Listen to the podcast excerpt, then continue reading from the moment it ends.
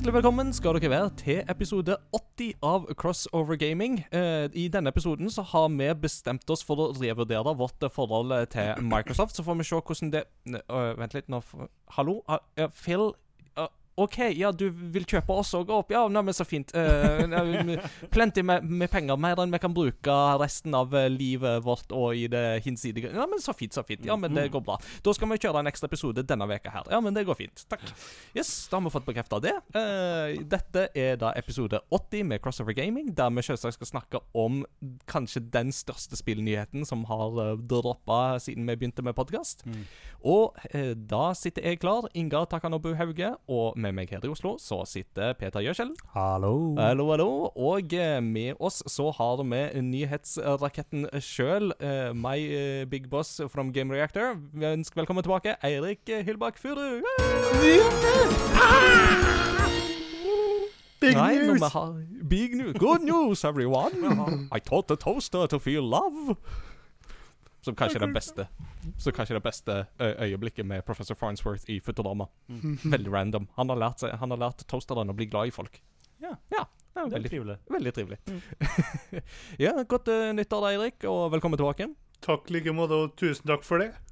Jo, Uh, det, jeg regner jo med at du sitter brennende klar med masse stoff om eh, Ja, om et eh, gedigent oppkjøp, for å si det sånn, og klar for å dele meninger på godt og vondt. Det skal jeg love deg. Når jeg liksom gikk helt berserk og skrev en lang artikkel liksom den dagen det skjedde, for jeg bare måtte få luft meg, så Og det, jeg, jeg, det kan jo være greit å tipse folk om òg, at hvis de er interessert i å lese eh, om ting som jeg skal snakke om i dag, så finner de jo en bra artikkel eh, på gamerector.no, som jo er tilgjengelig nå, om det. Så det er jo bare å sjekke ut. Bare slik at folk ikke tror at Ingar har dårlig smak. Han har ikke lest artikkelen helt ennå, tror jeg. Så han bare later som. Jeg har Du lest vet, første jeg er utkastet. sjefen, så var liksom Jeg leste første utkastet og kom med inputs, da, så Ja, ja. eh, Men God eh, Uh, Ja. Nei, men uh, har du hatt en fin uh, overgang fra 2021 til 2022? Har det gått greit så langt? Har vi skifta år? Oh. Nei, det Det går greit, fint. det går greit med deg denne pandemien. Og pandemien, ja, den har jeg hørt om. Mm. Nei, Jeg har vært faktisk litt Her i Kristiansund har jeg det blitt litt verre, for jeg har alltid litt, vært litt lavt ned på smittetrenden. Men siste tida så har liksom de videregående skoleelevene og sånn gitt litt blanke søren, så nå har det begynt å bli litt sånn nedstengningstrusler her òg. Ai, ai, ai. Det er spennende. Ja. For, for liksom smak av storbylivet i Yeah. Kristiansund. Yeah! Nei, jeg så dere skulle jo få nytt campus og greier òg nå. Så det det skjer ting. Ja, får si.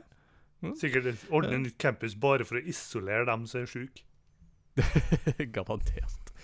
Peter, eh, du er jo midt i et uh, hurra meg rundt når det gjelder planlegginger av eh, turer, og kanskje turer og ikke turer og whatnot, så Ja, Ja. Det, det er travelt. Du skal til tre forskjellige land på ei og en halv uke. Så det er spennende, det.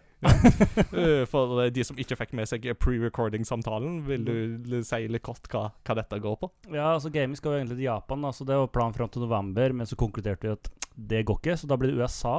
Så fram til januar så planla jeg tre forskjellige turer, nei, fem turer. Forskjellige sånne turer til i, i USA.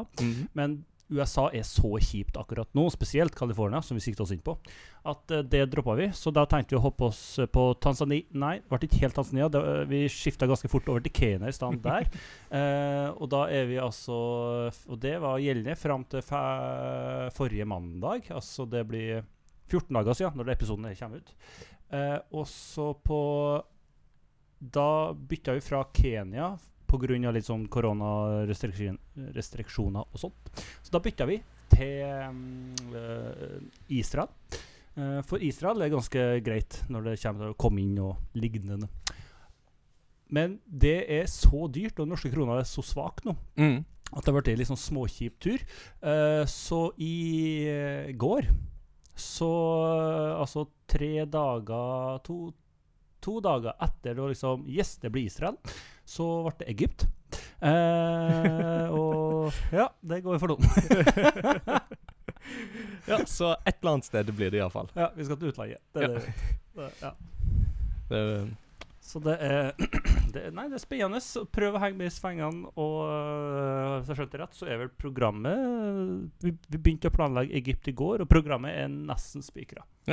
Nei, men eh, da blir det jo det- spennende da å se om det faktisk blir tur eller ei. Eh, Jeg orker ikke å ha trua før jeg har sett på flyet. Nei, det skjønner jeg veldig godt. jeg har så lyst til å reise både Egypt og Israel òg, men begge var på bucketlista, så det gikk fint. Mm. Eh, så sånn Vent, vi tar det. Du, du, du, må bare, bare huske at hvis du er på tur i Egypt, eh, så kan du jo dra den eh, varianten som min forlover dro da de var i Egypt. For de ble jo hele tida pressa på liksom, med liksom, suvenirer og jugg eller whatnot. og, Buy this, my friend. Very good price. Only for you. Buy this, buy this. Only for Mm. you. Very good price. At han til slutt bare tok en sånn random ting fra en butikk og så bare No, my friend. You buy this. Very good price for you. så eh, da må du bare ta en sånn Chandler-taktikk med at the messers become the messies. Mhm. Yeah. Da får du forhåpentligvis litt å snakke om neste gang du er med i podkasten. Det kan jo godt hende at du Jeg mister neste episode, men uh, da får du desto mer spennende innhold å komme med neste gang. Mm. Ja, det, det virker som det vil bli veldig bra om det blir tur. Men det får vi se. Ja. Vi får krysse fingrene, og så Ja. gå i gang med dagens episode.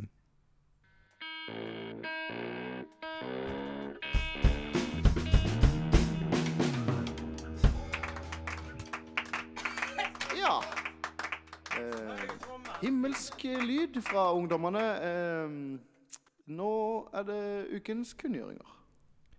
Før vi skal snakke om den store kunngjøringen, så uh, går vi kjapt gjennom noen små kunngjøringer som er kommet uh, i nyhetskalenderen den siste veka. Uh, de som liker spillrelaterte show, de vil få litt å se på nå i februar. Netflix kommer jo med The Cuphead Show, som jo faktisk kan bli litt artig og interessant og spennende. Uh, og for de som er mer opptatt av Must Find Sailors, så vil Shenmue The Animation òg uh, komme i løpet av februar. Det er nok ikke på Netflix, det tipper jeg er på Crunchyroll. Um, Eirik, Cuphead eller Shenmue? Noe forhold til one or two? Det blir Cuphead helt klart øverst på lista her. Mm. For liksom Shenmue er greit, og liksom stilen virker helt grei og litt sånn, men der følger de jo mer spillet, spillene, virker det som. Mm. Det jeg har jo liksom sett det, sett det før, da. Mm. Mens Cuphead så er helt nye historier og litt sånn, og jeg liker den stilen til Moldenhauer-familien. Så det skal Mm. bli veldig artig å se hvordan det blir med dem når de snakker og litt sånn. da. Mm, veldig artig. Og så blir det jo spennende å se om det eventuelt får påvirkning på salgstallene til spillet. Om det plutselig vil få en boost igjen. Altså, det funka med The Witcher. Plutselig så ble jo det veldig populært igjen, så Mm. Og her er jo ekstra godt tima pga. at The Delicious, uh, Delicious Last Course kommer i juni òg. Ja. Eh, siden sist så har det jo òg vært Awesome Games Done Quick. eh, Denne begivenheten som Mm. foregår eh, en gang eh, på vinterdalåret og en gang på sommerdalåret. Da er det jo Summer Games Done Quick, vel å merke. Der eh, speedrunners fra hele verden spiller alt mulig slags spill i løpet av ei uke og setter den ene imponerende rekorden etter den andre. Mm. Inkludert at de samler inn 3,5 millioner dollar i veldedighet. Så Ja. det er et veldig bra sum. Høydepunktet er der må jo uten tvil være han som blindfolded spiller gjennom Sekiro. Det er Kjære vene. Uh, Altså Hvis du noen gang hvis, hvis du noen gang kjen, ønsker å kjenne på get good-følelsen, så er det bare å se på den videoen og bare sånn Jeg blir aldri så god som det, men du verden så fascinerende å se. Er ikke det liksom Det var en blind som eh, spilte gjennom Selda, Ocarina of Time? Eller ett Jeg tror jeg hørte at ett av Selda-spillene, i den gamle, har blitt spilt gjennom av en blind fyr. Og da, for du, Han kunne høre på lyden når Mm. han drev og stanga mot en vegg. Ja. Eh, og da visste han at han skulle snu. Ja. Eh, så det Utrolig hva som går, bare du er dedikert nok. Det kan godt hende. Men i, i blinde Det skulle, det skulle gå fort, skulle ikke det? Jo, dette her gikk jo kjempefort òg. Det er jo det som er helt imponerende. Hva den han tok den sikkert opp på to timer, eller noe sånt, tror jeg. Med i blinde og hjelpes. Det, hva folk får til, det er så imponerende. Det, det er. Liksom, med all respekt til Selda, liksom Greit nok at jeg kan springe på en vegg og litt sånn, men at liksom Folk klarer jo ikke timinga der når de ser alt en gang. Liksom, Jeg som liksom kje- er kjempekry, slo i anmelderperioden, liksom dødd på dem og dem fiendene 20 ganger. Så ser han idioten der! Gjør de blinde? Hva er det for tull? Og bare gni det inn. Noen andre høydepunkt fra Awesome Games eh, som du eventuelt har lyst til å trekke fram? Fikk du sett noe Returnal, f.eks.? Nei, det, der er det sånn Nei, her, her har jeg holdt på å spille å spille i lang tid og holdt på å strevne. Så ser jeg at de holder på å gjøre det easy-peasy. Ja. Jeg tæler ikke å se på. Men jeg er utrolig glad for at Games Done Quick fortsetter å sette rekorder hvert eneste år. da.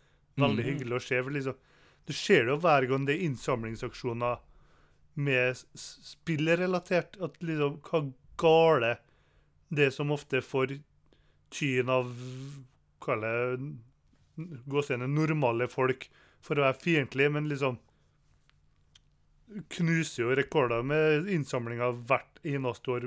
Ikke bare GameStone mm. Quick, men alt. Ja, ja. Altså, Tenk om Fox News hadde laga sak om Awesome Games istedenfor å fokusere på Å nei, det har vært en annen uh, person som gikk amok med våpen. Han spilte sikkert dataspill. Det var Han det spilte Can. Candy Crush en gang. Han er farlig. Mm. Ja, han er definitivt farlig med Candy Crush. Han og de som spilte Sims og tok vekk stigen i bassenget. Der har vi det. Vi må be EA om å spole det, da finner vi dem. Mm. Ja, ja, ja. Ikke Det, sant? Det, det gjorde jeg en gang, og så fikk jeg så dårlig samvittighet at jeg satte tilbake stigen. Der har du meg. For dårlig samvittighet over en PC. Uh, video games causes violence. Me getting sad for killing an NPC by accident. uh, NPC er for dårlig samvittighet til å drepe ku. For da tenker jeg ja, men nå nå, nå har ikke jeg mat til jul til vinteren, liksom. Det, det, det, det Håpløs. oi, oi, oi. Uh, ja. Speaking of um, ja, Hva var det vi snakket om som var en god uh, turn til dette? her? Uh, så god Segway. Uh, nei, det var et av disse spillene som vi snakket om som var EA eller Microsoft eller Jo, Candy Crush var det vi snakket om. Jo, det passet jo egentlig bra i hele denne fasen som vi skal inn i. For um, uh, vi skal snakke om uh, Microsofts oppkjøp av Activision Blizzard. Mhm. for, forhåpentligvis. uh, eller, eller potensielt kommende, blir vel riktig å si.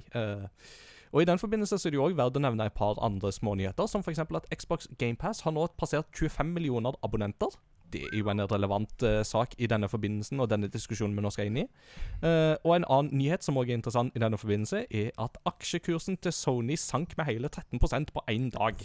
Uh, etter at Microsoft kunngjorde at ja, de skal kjøpe opp Activision Blizzard King, som jo blir vel hele og fulle. Og denne summen som de jo da skal kjøpe det opp for, det er jo ingen eh, liten sum, for det er 68,7 milliarder dollar, som tilsvarer ca. 600 milliarder kroner. Husk 1 milliard, det er 1000 millioner, så 600 Altså, you do the math, for å si det sånn. Det, det er et så absurd tall at jeg klarer ikke helt å vri hodet rundt over hvor stort det egentlig er. Altså, forrige uke, Peter, husker du at vi snakket Det- om eh, Da snakket vi om Microsoft kjøpte Zenimax for Ah, 7,5 milliard. Og det var mye. Det var mye. Og så sa Take, og så sa Take Two 'Hold my beer'. Mm. Og så gikk de og kjøpte Zynga for 12,7 milliarder dollar. Det var i hvert fall mye. Ja, det var Husker du forrige uke når vi syntes det var så det mye? Var, det var helt Ja, ja, ja, those were the days before the dark times, before the Microsoft bought Activision Blizzard. For nå så har da Microsoft bare kommet inn og så bare knust alle rekorder i spillbransjens historie. Og øh, lagt 68,7 milliarder dollar på bordet. Og bare for å sette dette her litt i perspektiv uh, Dette er jo mer enn bruttonasjonalproduktet til liksom omtrentlig halvparten av verdens land, tror jeg nesten. Eh, ikke til sammen, da, men mm. sånn og, og- altså, Et norsk statsbudsjett ligger vel på sånn rundt 1400 milliarder, eller noe sånt. Mm. Eh, lurer jeg på om det forrige statsbudsjettet var. Der burde jeg ha gjort lekser før. Men uh, la oss si da at dette er et halvt norsk statsbudsjett. Så hvor, mange, hvor mange nuller er det? altså, én million har eh, seks nuller, og så har én milliard har ni nuller. Og så må du jo da plusse på elleve nuller blir det jo da. Tror du det er grunnen? At de bare la på en null ved en feil? De skulle egentlig gi De skulle egentlig gi 60, 60 milliarder. Så nå er det sånn Nei, nei, vent, men, men tasta feil. Ja, ja. Ops! Det, altså, kalkulatoren det, på barneskolen klarte ikke å skrive inn det tallet. Nei. Eh, så la oss òg putte dette i perspektiv. Um, dette er da en sum som da er Microsoft har da lagt 45 mer på bordet enn det den samla aksjeverdien til Activision Blizzard var ved starten av året, med denne summen, og fortsatt regnes dette som et røverkjøp. Mm. Uh, så det òg er Altså, 600 milliarder, det er et røverkjøp. Og for Men hva betyr dette oppkjøpet? Jo, dette oppkjøpet, hvis det da går igjennom, betyr at Microsoft nå vil eie serier som Call of Duty, Overwatch, World of Warcraft, Diablo, Candy Crush, Tony Hawks Pro Skater, Crash Bandicoot, Spyro the Dragon, Guitar Hero uh, Starcraft Det er Ja, den lista er lang som et uh, vondt år, rett og slett. Og da er spørsmålet Hva får dette å si for spillbransjen? Eirik, hva er your initial reactions til, til dette her? Oi. Yes. Nei, Da tar vi det- pause, og så Nei da. det, det er jo sjukt. Rett og slett, liksom, for å dra litt sammenligninger, like som du gjorde tidligere her nå, bare for å si det her til folk Nintendo sin verdi er sånn cirka på Hvordan skal vi ikke prøve å er gjøre med om til norske 60 kroner i hodet? milliarder, tror jeg. Dollar. Jeg, jeg prøvde å ta det i hodet her nå bare raskt, men det er noe sånn, ja. Litt slutten av 50-tallet. Mm. Så teoretisk sett kunne faktisk Microsoft kjøpt Nintendo for den summen der. Mm. Liksom, det er så stort, og det er en av grunnene til at For når Microsoft sa de kjøpte Bethesda, så sa jeg ja, greit, den kommer til å gå gjennom.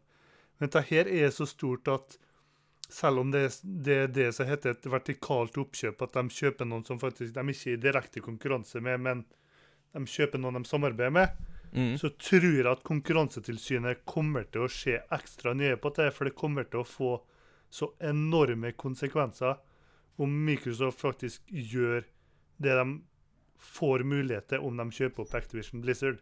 Mm. Og, det er, og det, det er jo et perspektiv i dette her, er jo det at eh, kjøpet har jo, må jo ende gjennom amerikanske finanstilsynet, altså Federal Trade um, Association, uh, Mm. må jo godkjenne dette her. Uh, men hvis det blir godkjent, så gjør det jo dette Microsoft til tre største aktøren i spillbransjen, kun da slått av Sony og Tencent. Uh, og Tencent er jo da dette kinesiske selskapet som har en eierandel i så å si alt som kan krype og gå, inkludert norske Funcom, men interessant nok òg i Blizzard. Uh, de har jo en, en liten aksjeprosent der òg.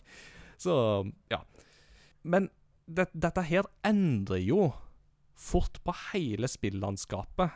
At Microsoft skal bli så store. Eh, morsomt nok at du påpekte det der med at eh, hvis de hadde kjøpt Nintendo, for det ville de jo egentlig gjøre for 20 år siden, før de lagde Xbox. Da gikk de jo til Nintendo og sa at vi er klare til å kjøpe dere, og Nintendo sa jo blankt nei. Eh, De, de flirte vel faktisk, som de sier. Ja, det, det, det, det går rykter om at det ble ledd eh, på det kontoret der. Eh, men, men, altså, nå, men nå er jo liksom litt sånn Nå snur på en måte litt den flisa, for nå er det jo uh, plutselig sånn at nå snur jo eh, Microsoft hele det landskapet på hodet. De blir jo større enn Nintendo er. Og ja, hva, altså, hva skal en si? Altså, Peter, dine første reaksjoner på dette oppkjøpet her, hva, hva er det? Du leter litt etter 1. april. Eh, sånn, for det, det er så absurd. Mm. Eh, at uh, Ja. Litt sjokkert, egentlig, sånn med en gang. Um, spesielt sånn ja, 12 milliarder, det var mye. Uh, og så når du liksom begynner å se på hva det betyr Den lista du la fram av spill i stad, Mm. det er jo det du vokste opp med på PlayStation 2 og Mm. 1. Og liksom Det spillet du forbinder med PlayStation hele veien. Og så, mest, og så, nå- og så nå mista han med det, jo.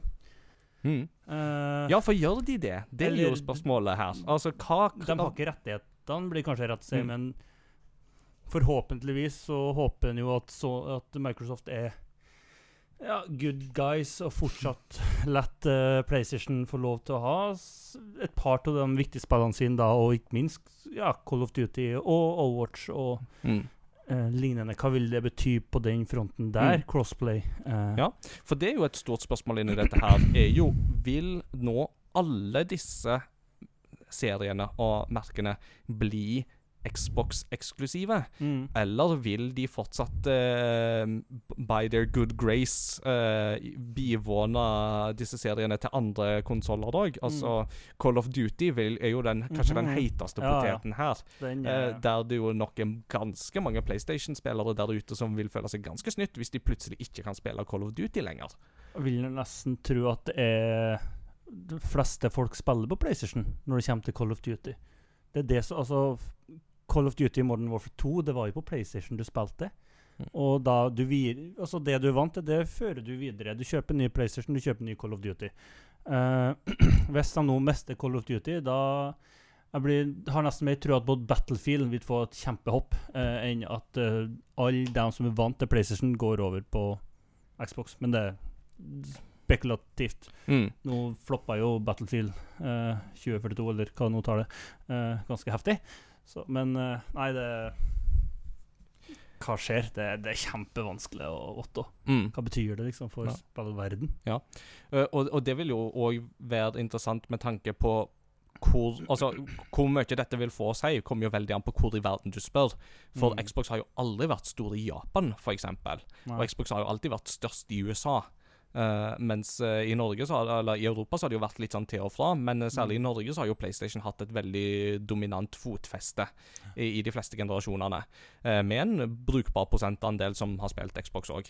Men det landskapet vil jo fort nå skifte, både fordi at eh, de først har jo sagt dette med at Altså med Bethesda sine spill, f.eks., så vil jo f.eks. Elder Scrolls 6 og Starfield Starfield vil vel ikke komme på PlayStation 5. Eh, Eirik rister på hodet, så da, da stemmer nok det, ja. Mm. Og, og, og, og, det, er jo, altså, det er jo sånn Du slenger ikke 600 milliarder kroner på bordet uten en viss tanke om å bruke dette her til å lokke folk til din plattform. Eh, og den plattformen heter ikke så mye Xbox som den heter GamePass.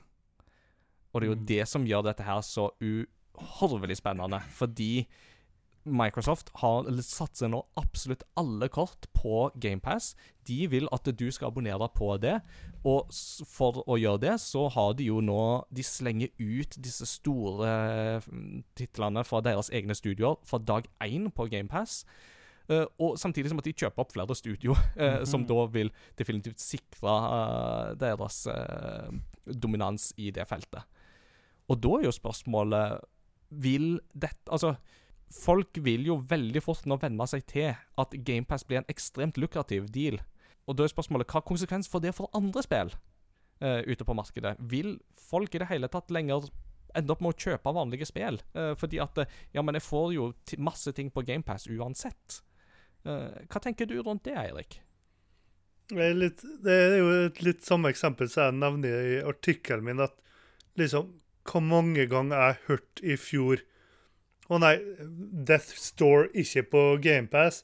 Nei, da, da venter jeg heller, for det kommer sikkert til GamePass, så kjøper jeg ikke. Mm. Å, da, da kjenner jeg blodet mitt koke, altså. Oh. Liksom, og folk holder på å syte. Og utviklere sier de får ikke penger, og vi kjøper ikke spillene deres. Liksom, det Åh! I stedet for å betale utviklerne velfortjente penger, så liksom venter folk dem de får det på Ga- GamePass for å bli gåsehud gratis. Mm. Mm. Da kjenner jeg koke når de liksom spør Å, hvorfor kommer det ikke en oppfølger, da? Hvorfor kommer det ikke to?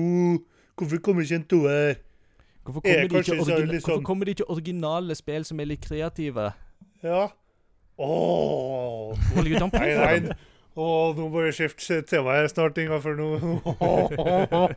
Men, men, men, men akkurat det er jo faktisk litt interessant, fordi en modell som GamePass, eller som jo da ligger litt sånn tilsvarende, hva skal du si, GamePass blir jo mer og mer likt en Netflix for spill, Mm. som jo uh, Stadia prøvde å være, og ikke fikk det. Og det som en modell som Netflix for eksempel uh, opererer med, er jo det at du vil Netflix pøser på med å lage masse kreativt innhold som de sjøl står bak.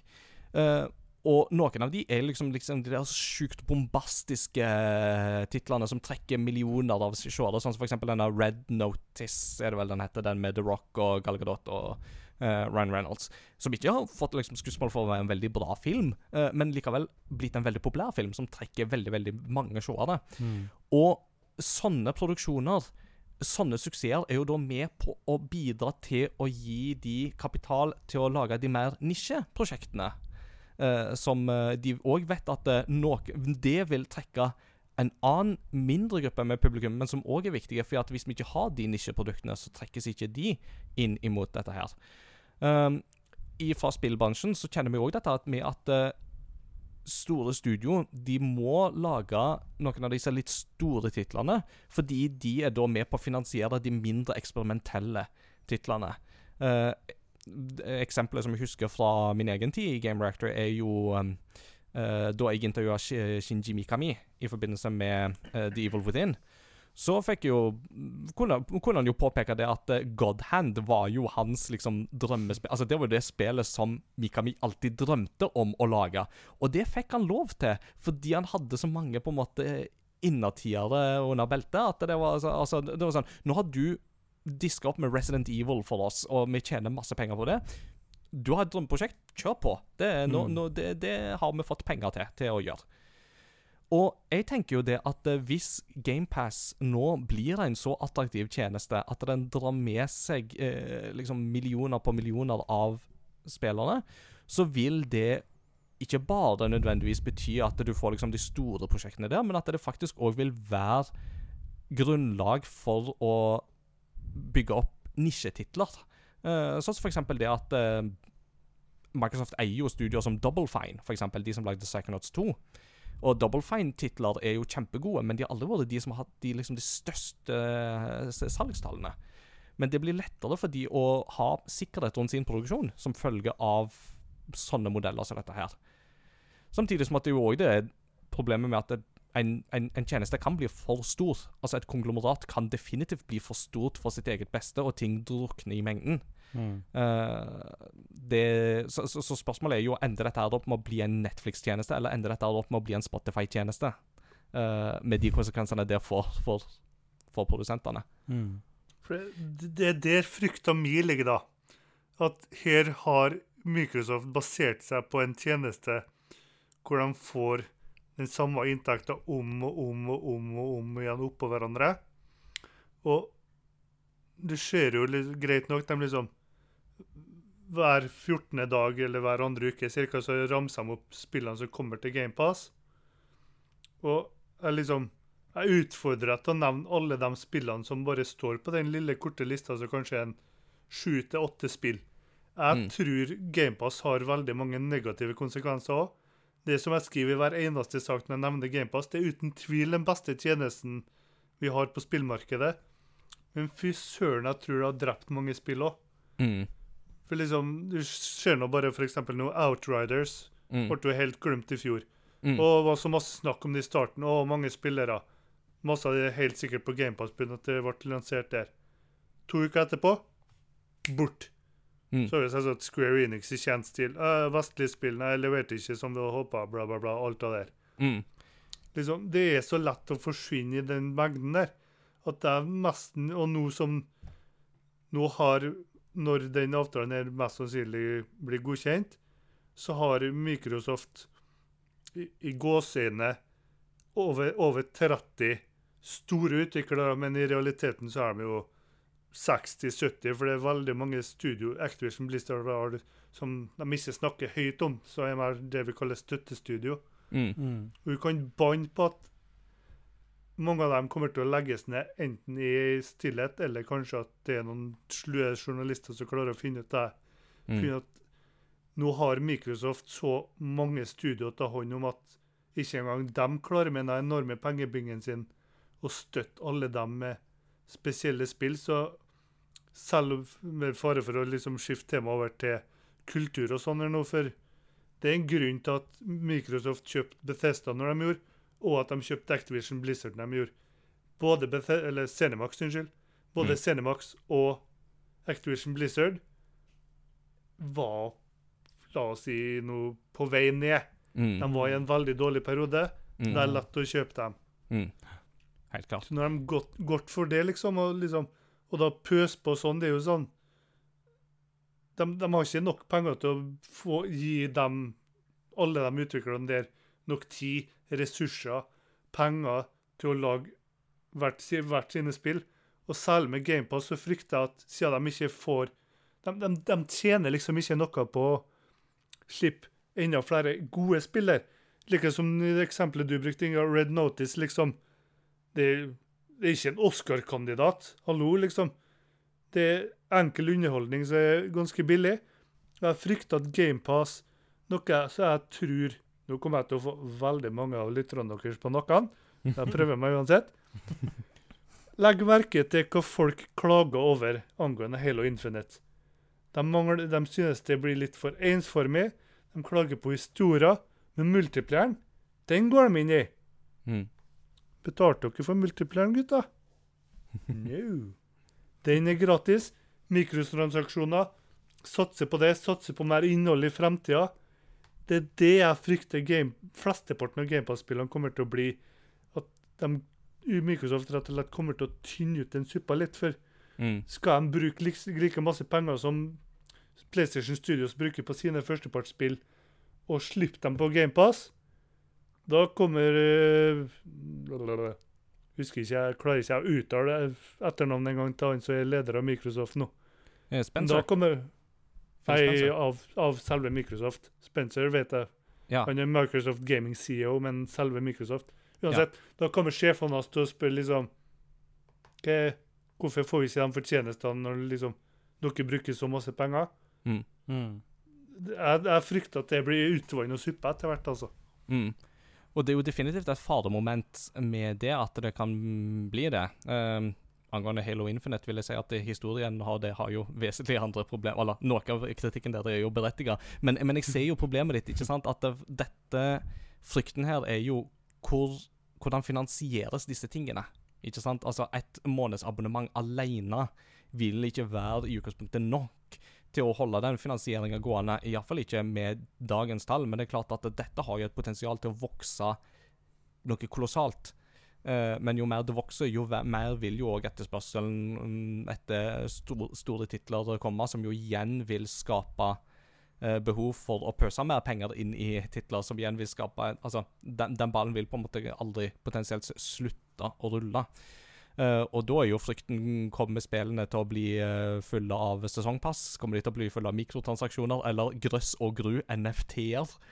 Åh, Fri å bevare. Det, det, det var eh, For å tease litt eh, del to her, men altså, hva ville vi brukt 600 milliarder kroner på? Jeg ville blant annet brukt 600 milliarder kroner på å utrydde NFT-er, sånn at jeg aldri slipper å snakke om det igjen.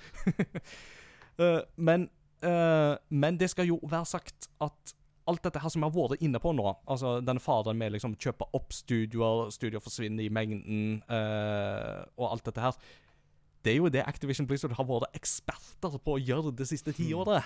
Uh, og dermed så er det jo ikke nødvendigvis sagt at Uh, ting nødvendigvis derfor kommer til å bli negativt uh, når, når Microsoft har kommet inn og kjøpt. Fordi er det en ting vi ser hos Microsoft, så er det jo en de, de er inne i en veldig positiv trend akkurat nå, med å gi de enkelte studioene veldig kreativ frihet, autonomi, uh, og at de er egentlig inne mest for å på en måte gi den overordna sikkerheten mot at de da får utbytte i form av kvalitetsspill. Uh, og det skal jo sies at uh, er det jo to selskaper som er, det er ganske vesensforskjell på å jobbe i akkurat nå, så er det Microsoft og Activision Blizzard. Uh, jeg leste Kotaku hadde en sånn fin oppsummering av Japans internett reagerer på oppkjøpet, og den beste kommentaren der var Microsoft bought sexual harassment. Eh, og det er jo en litt interessant uh, sak i alt dette her. Mhm. ikke sant? Altså, Nå har vi brukt et halvt år på å snakke om ukulturen i Activision Blizzard, og hvordan det skriker etter et behov for å omorganisering for at ting skal bli bedre. Og det er jo litt lov å tro at på sikt så tror jeg at en del av de forholdene, arbeidsforholdene, til Activision Blizzard-ansatte faktisk vil bli bedre. Eh, fordi så langt vi vet, i alle fall, så eh, har eh, Microsoft langt striktere policyer når det kommer til en del til når det gjelder dette med arbeidskultur og har mer kontroll på det, har mer orden i sysakene, rett og slett. Istedenfor å ha bygd opp på en Bygd på grunnlag av en giftig, usunn maskulinitetskultur fra liksom 30 år tilbake og oppover fram til nå, som jo Kotick og kompani har vært med på. Mm. Det som jo er litt òg også et spørsmål oppi dette, her, det er jo hvor lenge kommer Bobby Kotick til å sitte. Eh, og ryktene sier vel at han sitter helt fram til den formelle overtakelsen er funnet sted. Og, og kilder eh, har vel avslørt til Wall Street Journal at alle parter er vel egentlig innforstått med at eh, etter det så skal han liksom avskjed, eller Da får han lov å gå. Da får han ta sin enorme millionbonus mm. og som en takk for innsatsen, og gå. Og det er jo litt sånn Det er jo ikke sånn man har lyst til å belønne bad guys, men det er jo dessverre sånn kapitalisme fungerer eh, i USA. er jo det at du kan ikke bare uten, plutselig, uten videre, bare sparke en toppsjef uh, uten å gi han en krone. Eh, det er jo dessverre ikke sånn selskapskulturene fungerer, selv om vi skulle ønske at de gjorde det. Ikke at det bare uten videre. Han har jo en Burde, om han ikke det, han burde hatt en dom over seg. Ja, han burde jo Så- det, og, og det er jo spørsmålet her da. Hvordan vil rettssakene gå framover? Mm. Det er- For det er jo ingenting i dette oppkjøpet som forhindrer de rettssakene i å gå sin gang. De vil jo fortsatt måtte gå sin gang, og sånn sett så er det jo spenstig av Microsoft å gå inn akkurat nå. Men samtidig så sier det jo litt om at det, kanskje på tross av dette så går de inn nå og kjøper, ikke sant? Og det er jo massivt. Um, og så har jeg jo et lite håp da om at eh, kanskje dette innebærer at eh, visse studio som har vært under Activision Blizzard-paraplyen, nå får lov å komme tilbake igjen til litt gamle storhetstider. Altså, For Blizzard særlig, så tror jeg dette vil være ekstremt lønnsomt og fruktbart for de i lengden. Mm. Fordi det har vært veldig klart og tydelig at helt siden de ble kjøpt opp av Activision, så har de hatt en ganske tøff eh, kamp med liksom hele tida å forholde seg til liksom kvartalsrapporter og aksjerapporter, og vi skal selge, selge, selge, selge. selge.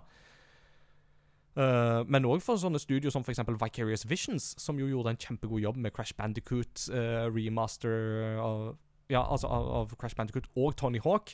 Og som takk for det, så er det bare sånn Ja, nå skal dere bare bli en sånn støttestudio til å lage Call of Duty-kart. Så det hadde vært Mm. litt kjekt hvis en del av disse studioene får liksom lov å gjøre litt andre ting enn Call of Duty. Uh, men uh, du som er Call of Duty-ens mann iblant oss, uh, Eirik Sorry, Peter. Den tror jeg Eirik tar. Jeg tror han slår meg der. Ja. Det går fint. Eh, men hva tenker du for for en sånn serie som Call of Duty? Hva konsekvenser får, får dette? Uten å liksom si, folk akkurat, si til folk akkurat når vi spiller inn, da, men i går, så, eller i natt, så la jo Phil Spencer ut en kommentar at han har vært i samtale med Sony hele uka og snakka om forholdet til dem, og da spesielt Call of Duty. Mm. Og han sa jo det at de lover å liksom selvsagt beholde avtalene som nå gjelder. Mhm. Noe som annet gjelder den kommende Call of Duty Modern Warfare-oppfølgeren som kommer i høst. Mm. Så det så blir litt, litt, litt fascinerende, da, at av det jeg vet, i alle fall, så har Sony og Activision fortsatt en avtale om at PlayStation-konsollene skal få ting først der. Så liksom, Nå kommer ikke den avtalen her til å gå i boks før neste, neste Altså sommeren 2023. Mm. Mm. Det er litt som det var inne på tidligere, Ingar. Liksom. Call of Duty selger så masse kritikk som Call of Duty Vanguard òg fikk. For både Battlefield 2042 og Vanguard har jo blitt slakta av fansen i det siste. Mm. Så, til tross for det så ble Call of Duty det bestselgende spillet veldig, veldig, veldig mange land rundt omkring i verden. Så det blir den vurderinga der, liksom Har Microsoft lyst til å For igjen, Ingar, som du sa, flesteparten av dem blir kjøpt på PlayStation. Har Xbox lyst til å få litt av de prosentene? Eller har de heller lyst til å prøve å nærmest tvinge Call of Duty-fansen over til Xbox eller PC ved å si Nei, dere får bare bite dere, bite i dere her, så tåler de heller å gå Kanskje ikke i minus, da, men i alle fall ikke tjent langt på nær som de ville gjort om Southern hadde fortsatt, ved å bare gjøre det eksklusivt og heller håpe at får dem over til Xbox, får dem over til PC, får dem over til GamePass og tjene noe enormt på i lengda. Mm. Personlig så tror jeg faktisk det kommer til å bli litt av blanding. Mm. Jeg tror at enkelte Call of Duty-spill kommer til å komme til PlayStation, men så kommer de òg til å lage noen av dem eksklusivt. For jeg Mm. tror òg at litt samme ja, Nå nå er jeg kjempeflink til å gå inn i temaet du prøver å styre oss inn på, Ingar. Mm. Men liksom Samtalen er åpen. både, både Call of Duty og Blizzard-spill tror jeg kommer til å endre på timeplanene sine nå. Mm. Litt Blizzard-spillene, f.eks. Overwatch, Diablo. Vi har venta på de spillene i det som føles evigheter nå, for oss er fans. Jeg lurer på om både bedre arbeidskultur og Microsoft sitt fokus på GamePass kommer til å gjøre at vi ser spill fra, fra Blizzard oftere, men kanskje gjør Call of Duty-spill litt sjeldnere. Mm. For Xbox Game Studios har allerede en god del førstepersons skytespill.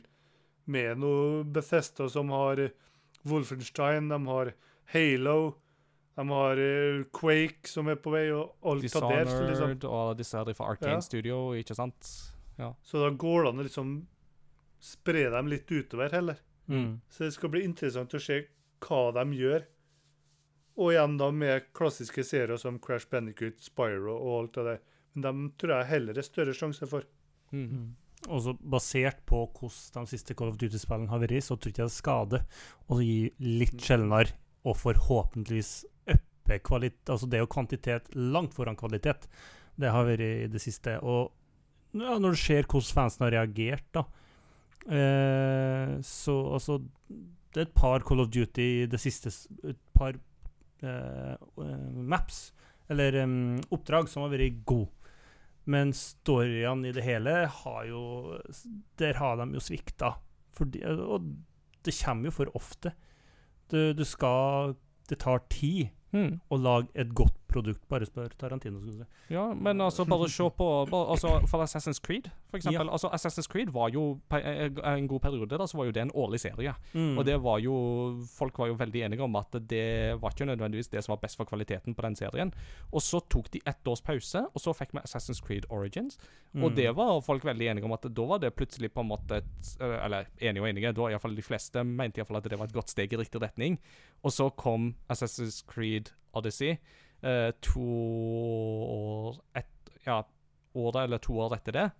Eh, men liksom litt, hadde òg hatt en lengre utviklingsfase, da. ikke sant? Altså At Mm. de hadde fått mer tid på, på, på det.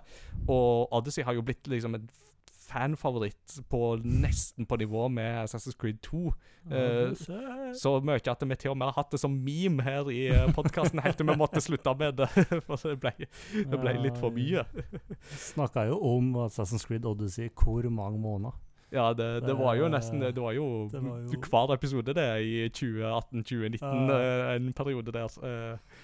Eh. vi kommer vel tilbake til det når, når, når jeg en gang får komme opp i gang igjen med Assassin's Creed-prosjektet mitt. Da skal vi nok snakke mer om det. Men, mm. men, men, eh, men ja, altså, jeg er jo veldig enig i den analysen der med at jeg, jeg tror jo at Altså Activision har jo vært ekstremt opptatt av disse kvartalsrapportene sine, og derfor vært veldig opptatt av at de må hele tida ha salg som på en måte Ja, altså at, at, at eh, jaget etter salg for å tilfredsstille aksjonærene har vært deres hovedinsentiv i alt de lager og alt de produserer, og med det presset de har lagt på de ulike studioene de har jobba under. Microsoft får inntrykk av å jobbe under en helt annen struktur og med en helt annen eh, økonomisk eh, tankegang. Ja, selvsagt Microsoft skal tjene penger, de òg, men at de har likevel fokuset på et litt annet sted. Og det tror jeg vil være med på å lette trykket for en del av disse studioene, som da igjen vil være med på å gi kreativiteten større spillerom. Um, for det er jo litt sånn at eh, hvis du da det er, jo, det er jo litt rart, det der, men altså, hvis du faktisk får gode arbeidsvilkår, så jobber du faktisk bedre. Det What?! ja. hvem, hvem skulle tro det, hæ? At uh, hvis du faktisk eh, behandler dine ansatte bra og ikke oppfører deg som en dust, så, går, så jobber de faktisk bedre. Hører du dette, Eirik? Hører du det? Ti stillinger. Ja. Men eh, en, eh, en, en interessant eh, take på dette her er jo da hvordan vil Hvordan vil resten av spillbransjen svare på dette her? Altså, Sony må jo ha satt kaffen i vrangstrupen, og jeg tror Nintendo har bare vært litt sånn Microsoft, who's he? Eh, og bare fortsatt med sin greie. Men altså, det er jo ingen tvil om at dette endrer jo landskapet for hele spillbransjen uh, på mange måter. Ikke minst med tanke på det som har sagt at, at GamePass kommer til å spille en større og større uh, rolle. Uh, what are your, your two cents on this, Eirik? Det er litt sånn liksom Siv, for det har jo selvsagt vært masse diskusjon om det her i Game Reactor òg. Men mitt spørsmål til dere Nå snur jeg spørsmålet rett til dere i stedet. Må de svare? Nei! Begge, både Nintendo og PlayStation gjør det jo ekstremt bra. Så Mm. liksom, greit nok. Microsoft er jo mye større enn hva de fra før. Og både PlayStation og Nintendo er uansett leverer knallgode spill. De gjør det Det som ville vært i Microsoft sine, ja, godt nok. Økonomisk òg. Mm. Så liksom Er det virkelig så nødvendig å kjøpe alt av studio og sånn? Og ville ville jeg vært for det beste om PlayStation nå kjøper EA og liksom får alt av sportsspill og sånn, og gjør samme feilene som EA og bla, bla, bla, bla, bla. Eller er det bedre at de får de tre-fire gode spillene hvert år, Mm. fremfor å bare peise på med alt de har? Mm. Mm. Altså, jeg tror jo at hvis Sony skulle ende opp med å kjøpe noen, og liksom skulle diske opp med et, et kjøp av samme kaliber, så hadde de kjøpt Square Enix. Uh, og det skyldes jo rett og slett det at uh, På spørsmålet om må de svare med samme, altså må en kjøpe opp alt, så er jo spørsmålet nei, jeg tror ikke nødvendigvis at de må det. For igjen så må vi se på dette her med at den porteføljen som uh, Microsoft har kjøpt opp nå, er i all hovedsak først og fremst en veldig vestlig orientert pakke. Uh, ja, Starcraft er fortsatt stort i Sør-Korea, og Overwatch gjør det jo for så vidt bra over mange land. Uh, og World of Warcraft har jo vært en stor suksess, det òg, ikke sant? Men altså vi hadde jo en eh, ung World of Warcraft-spiller innom her rett før jul, Christian André. Christian André. Uh, og han påpekte jo det at det er jo ingen på hans alder som spiller World of Warcraft. Han spiller jo bare med de som er eldre enn seg, uh, Mm. fordi at World of Warcraft klarer jo ikke å rekruttere nye spillere. Mens sånn som Final Fantasy 14 har jo hatt et rekordår der de jo har tatt imot alle World of Warcraft-flyktningene. Um, så jeg tror jo altså, Så du kan si at maktbalansen er jo fortsatt på en måte litt sånn øst-vest-prega her. Eh, med at eh, Sony har en veldig stor dominans i det japanske markedet, eh, og til en viss grad i det, særlig det nordeuropeiske markedet. Mens Xbox og Microsoft har en kraftig dominans i det amerikanske markedet. Naturlig nok. altså De gjør det best på hjemmebane. Um, det, det ser vi. Og, og, og Nintendo gjør som de alltid har gjort. De er bare sånn at Vi er 130 år gammelt selskap, vi har overlevd det meste. Vi klarer dette her òg. Vi gjør vår egen greie. Mm. Uh, se, her, her har du uh, Switch Pro. uh, nei, den, den må vi fortsatt se langt etter. Men, men, men der jeg tror de jo vil legge press på disse selskapene, er jo i forhold til online-tjenestene deres. Altså, Sony jobber jo nå sannsynligvis med å konglomeratisere, blir det det som er riktig ord? Altså det å samle eh, Fusjonere, ja. ja, altså å, å samle eh, PlayStation Now og PlayStation Plus og disse ulike tjenestene som de har, til å få noe som er litt mer konkurransedyktig mot GamePass. Mm. Eh, Spartacus. Sp- ja, uh, Project Spartacus, som de jo kaller det. Eh, og Nintendo ha- floppa jo virkelig i fjor med den her Nintendo 64-emuleringstjenesten sin, ikke sant? Og er det jo et selskap som virkelig sitter på en brennheit potet når det gjelder eh, en sånn Altså, Nintendo trenger ikke å ha nye spill engang i disse tjenestene sine. De kan bare lage en sånn Altså, hvis de lager en GamePass for retrospill, og bare faktisk gjør det til en bra tjeneste, så, så, så vil jo de tjene i bøtter og spann. For problemet nå er jo det at de, de, de klarer ikke å forvalte arven sin på en god nok måte. Uh, og samtidig så tror jeg at eh, Nintendo har liksom Nintendo de har klart sine ting. liksom De, de kom seg forbi Wii U-krakket og klarte å bygge seg opp igjen. Så de vil alltids klare seg. Liksom, Fy flate hvor bra Nintendo Switch Online Expansion Pack har vært om de har tenkt like som Microsoft med de enkle forbedringene av de gamle spillene der. Mm. Med auto-HDR og FPS-boost og alt det der. Mm. Liksom Det var forrige uke så spurte en kompis meg liksom Hva, hva vet du liksom om Nintendo Switch Expansion Pack? Har de fått Ocarina of Time ennå? Ja. Å, da må jeg skaffe den. Liksom, jeg kan banne på at han kommer til å kontakte meg om et par dager. Det her er jo dritt. Ja. Det funker ikke eller noe. Det er Mm. input-lag og masse sånn. Og kommer til, folk kommer til å reagere i februar, og når Majora's Mask ikke lever opp til forventningene. Mm. Ja.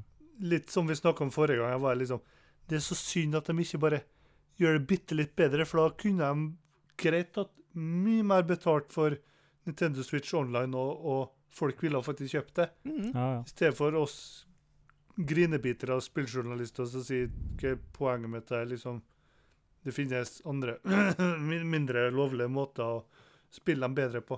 Ja. Ja, ja. Eller, eller sånne, sånne, sånne særinger som bare sånn der Nei takk, jeg har kasse-TV-en, jeg, og øh, det fu- funker bedre der, liksom. Eller Mm. Ja, al al så, så det er jo det, det, jeg, jeg tror jo ikke at dette nødvendigvis vil føre til at verken PlayStation eller Nintendo kommer til å gå dukken med det første. Det tror jeg jo slettes ikke. Altså Til det så er maktbalansen fortsatt eh, ganske på en måte fordelt med på en måte PlayStation-dominans i øst, Microsoft-dominans i vest, og Nintendo er Nintendo elska og hata uansett hva de, hva de gjør, og vil, vil, vil bare gjøre sin egen greie. Eh, Mm. Men det vil definitivt gjøre at noen av disse selskapene får Altså, de, de vil bli tvunget til innovasjon. Det vil de absolutt i dette her. Og om all den innovasjonen som de blir tvunget til, er god eller ikke, det gjenstår å se. Men hvis Sony kan få til en bedre eh, eh, Altså en bedre abonnementstjeneste av et eller annet slag, hadde jo vært kjempegull. Altså, Sony òg sitter jo etter hvert på en kjemperik arv av spill, ikke sant? Mm. som jo dessverre gjennom PlayStation Now-tjenesten heller ikke er veldig bra emulert eh, alltid. Eh, så det er noe med at hvis de klarer å steppe opp det gamet der uh, For det er jo en grunn til at jeg har falt så veldig for Xbox det siste året, er jo nettopp den derre Hva skal du si, da? De, de er så rike på å forvalte sin egen spillarv, uh, og ikke bare på en måte gjøre den tilgjengelig, men de forbedrer den. Uh, så, så, så, sånne ting som det der skulle jeg gjerne hatt ifra disse andre selskapene òg. Men litt nysgjerrig nå, bare.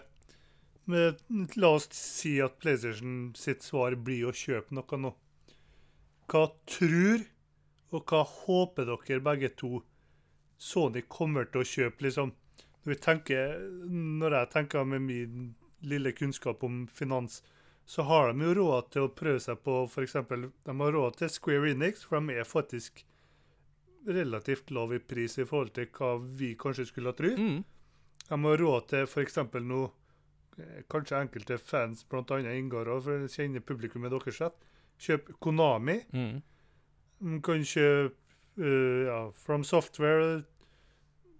Kanskje, om de går berserk, Band Bandai Namco. Ja, det tenkte jeg på. Hva liksom Hva ville dere personlig likt å sett? Hva tror dere Mm. de eventuelt kommer til å presse på? Jeg, jeg for min del tror jo ikke jo ikke sånn at nødvendigvis at jeg håper på at de skal kjøpe opp det ene eller det andre. Um, altså Litt av dette her med at jeg, til en viss grad så er jeg jo litt redd for at det vil på en måte skape litt av den der eksklusivitetsproblematikken, og at liksom hver, hver mann på sin haug. uh, og jeg er jo veldig for at gode spill skal være tilgjengelig for flest mulig. Uh, at det, blir- det, er lettere for meg å selge et spill til, til venner hvis det er tilgjengelig på mange plattformer, enn hvis det bare er tilgjengelig på én. Eh, men hvis jeg skulle ha sagt noe med, med trur, uh, så Altså, jeg hadde jo håpa, faktisk Altså, da du sa kan de kjøpe Konami, så er det jo sånn Ja takk, det må de veldig gjerne gjøre, for Konami de gjør jo ingenting nå. Altså, de, de Mm. driver på å selge NFT-er på, på, på, på grunnlag av Castlevania, uh, og så driver de treningssentre. Det, det, det, og så lager de i fotball, som vi jo definitivt ikke vil snakke mer om. så, så, så Konami gjør det jo ikke bra i det hele tatt. Men, hvis, men samtidig så sitter de der på en rik arv som veldig mange er glad i. Og hvis de da hadde kjøpt opp og revitalisert serier som Castlevania, f.eks. og da det har vært gull. Oh, øh, jeg har jo tidligere drømt om det der med at det gir meg Castlevania utvikla av øh, et liksom, samarbeid med Platinum Games og Yoko Taro. Øh, så da begynner du å snakke om gull, altså. Uh, men jeg vet ikke. altså Sega nevnte du jo ikke i uh, denne rekka. Og altså Sega har jo vært en heit potet når det har vært snakk om hva skal Microsoft kjøpe nå. Uh, for det har vært de som har spekulert i om de skal kjøpe Sega for å få en fot i det japanske markedet. Så, og det er klart at Sega er jo inne i litt sånn økonomisk trøbbel med tanke på at arkadene deres legges jo ned en etter den andre som følge av pandemien. Uh, og, men som du sier, altså Square Enix òg, de, de, de, har jo hatt en kjempesuksess med Final Fantasy 14, men de har hatt mange andre spill som ikke har solgt etter deres forventninger. Så landskapet er åpent akkurat nå, vil jeg si. Men uh, hva tenker du, Peter? Er det noe ja, nei, spillselskap har jeg aldri vært så flink på, men Square Enix har uh, spill som jeg vet Har prøvd i hvert fall å spille litt, og skal spille snart. Mm. Uh, så det og, Men de har ikke mer enn Eller sånn, de er ikke større enn at det er mulig uh, å bli kjøpt opp av Sony. Og det kunne ha gagna Sony ganske greit, tror jeg. Men så er jeg litt lik sånn som Ingar, er jo egentlig ikke interessert i at de skal samle seg hver for seg og ja, drive og leke uten å inkludere hverandre. Eh, det skader bare mer enn det gagner. Eh, kanskje ikke økonomisk for enkelte, men for oss da, som brukere, så tror jeg alltid litt nervøs uansett når det er så store innkjøp det er snakk om. Uh, for det ja, det, du vet ikke helt hva er Hvor ender vi opp hen? Eh, kanskje blir det bra, men så er det en, det er en god eh, sjanse en frykt for at det faktisk blir litt sånn kjipt. Men det er litt derfor jeg føler at det Av alle, av, av Xbox, Nintendo og PlayStation, så synes jeg det beste alternativet er at det er Xbox som kjøpes av, for de gjør spillene tilgjengelig for flere. Mm, ja. Med noe f.eks. mobilfokuset, cloud-systemet sitt og slikt. Hadde det vært PlayStation, så hadde det vært PC, PlayStation, ferdig snakka. Mm. Så det at det nå er litt mobilmarked òg, jeg tror, jeg tror, det er litt tankegangen i å kjøpe Activision Blizzard òg, for dem har jo begynt å fokusere enda mer på mobilmarkedet. Mm. Og mobilmarkedet er jo faktisk det som i alle fall av min oppfatning, jeg har ikke like masse kunnskap om det markedet som deg, engang, men det er jo det som er blitt populært Østen òg, slik jeg har forstått det. Så jeg tror det er Microsofts måte prøve, å prøve i alle fall en siste gang å få litt mer oppmerksomhet i de østlige landene òg. Mm. Helt klart. helt klart. Og jeg tror at Microsoft sånn sett har større sjanse til å lykkes på det mobile markedet enn på konsollmarkedet, selv om eh, Xbox, Xbox GamePass gjør seg jo veldig attraktivt. Eh, men akkurat det som du er inne på der, ikke sant? Altså at de ønsker jo å få GamePass tilgjengelig for folk flest. Eh, og det er jo veldig mye som på en måte etter hvert åpner for at, game, altså at Xbox handler mer på en måte om, om GamePass. En, en tjeneste som er litt tilgjengelig nest, nesten på tvers av plattformer. Uh, kommer vi til å se GamePass på Switch og PlayStation? Uh, hvor, hvor, sannsynlig er det? Jeg, jeg, tror faktisk at det er noe av det Microsoft prøver å forhandle med Sony om nå. For skal vi se om jeg klarer å finne Phil Spencer-tweeten litt raskt her, da. For liksom han ordlegger seg på en måte som det høres ut som de liksom Han har sagt ja, vi har lyst til å ha Call of Duty på PlayStation, men Mm. da må de liksom bli med på at det er GamePass på, for det var jo det Xbox-sjefen Phil Spencer sa når det var snakk om Bethesda, og at liksom Bethesda-spill kommer til å komme på plattformer som har Xbox GamePass. Mm. Mm. Og det er jo litt eh, liksom Liksom, det er lite Du kan se for meg en Spencer liksom bare blinker eh, PlayStation eh, eh, eh, i åpen. Wink, wink. Liksom det Phil Spencer skrev i går, da. Had good calls this week with the leaders at Sony. I confirmed our intent to honor all existing agreements upon acquisition of Activision Blizzard and our desire to keep Call of Duty on PlayStation. Mm. Uh, desire. How much do you desire to get Call of Duty on PlayStation, Sony? Mm. Uh, Det er litt sånn, jeg, jeg, jeg ser liksom bare for meg sånn uh, Phil Spencer og uh, mm, Jim Ryan. Er det Jim Ryan som er PlayStation-sjef yeah. nå? Ja. Jeg bare ser de liksom sitter liksom på hvert sitt kontor, nesten i sånn der Putin-Biden-stil. liksom bare sånn, Had good calls with Putin this week. Had good calls with, had good calls with Sony this week. Uh, honor our, altså, honor the agreement. Bare sånn, ja. Storpolitikken kan gå og legge seg. Det er Mm. dette her som er uh, det, Dette her som kommer til å forme verden de neste uh, årene, altså. Det, liksom Ryktene om å få GamePass på Switch har jo gått i flere år.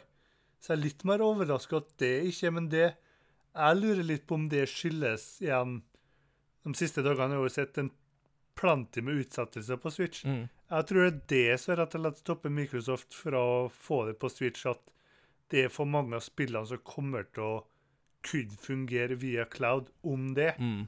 Men vi får se hva framtida bringer når igjen da, bank i bordet, Switch 2 eller noe sånt kommer. Mm. Men altså, de må jo kalle det Super Nintendo Switch. Det, det just, just saying. Su Super Switch. Nei da. Uh, Switcheroo, der har vi det. Det det- det- det- det er det det må hete. Eh, nei, altså, sjøl så tror jeg jo at um, Sånn som med Switch, eh, for eksempel, der spørs det jo på en måte om arkitekturen er god nok til det, men samtidig så leker de seg jo med sånne cloud-løsninger på spill som Hitman 3 og Resident Evil og, og sånne ting, ikke sant? Så det er jo definitivt et ønske på Switch-sida òg om å åpne opp for den type spill. Og Switch har jo nettopp blitt så populær fordi at de klarer å tilby en hel del spill på farten, som jo man ikke har hatt anledning til tidligere. Altså den muligheten til å spille storspill uansett hvor man er. Det har jo vært hele salgsargumentet til Switch eh, helt siden dens unnfangelse. Så Og det, og det, det vil jo definitivt eh, Det ville jo definitivt økt salget av Switcher, tror jeg, hvis Xbox GamePass plutselig ble tilgjengelig der, for da er det jo ja, da har du jo definitivt noen muligheter til å få spilt ting på farten. Mm -hmm. uh, ikke sant? Ja. Og, og da er det kanskje ikke så farlig om det går i 30 frames og uh, i litt lavere oppløsning, fordi at det, det med at du har faktisk tilgang på det. Mm.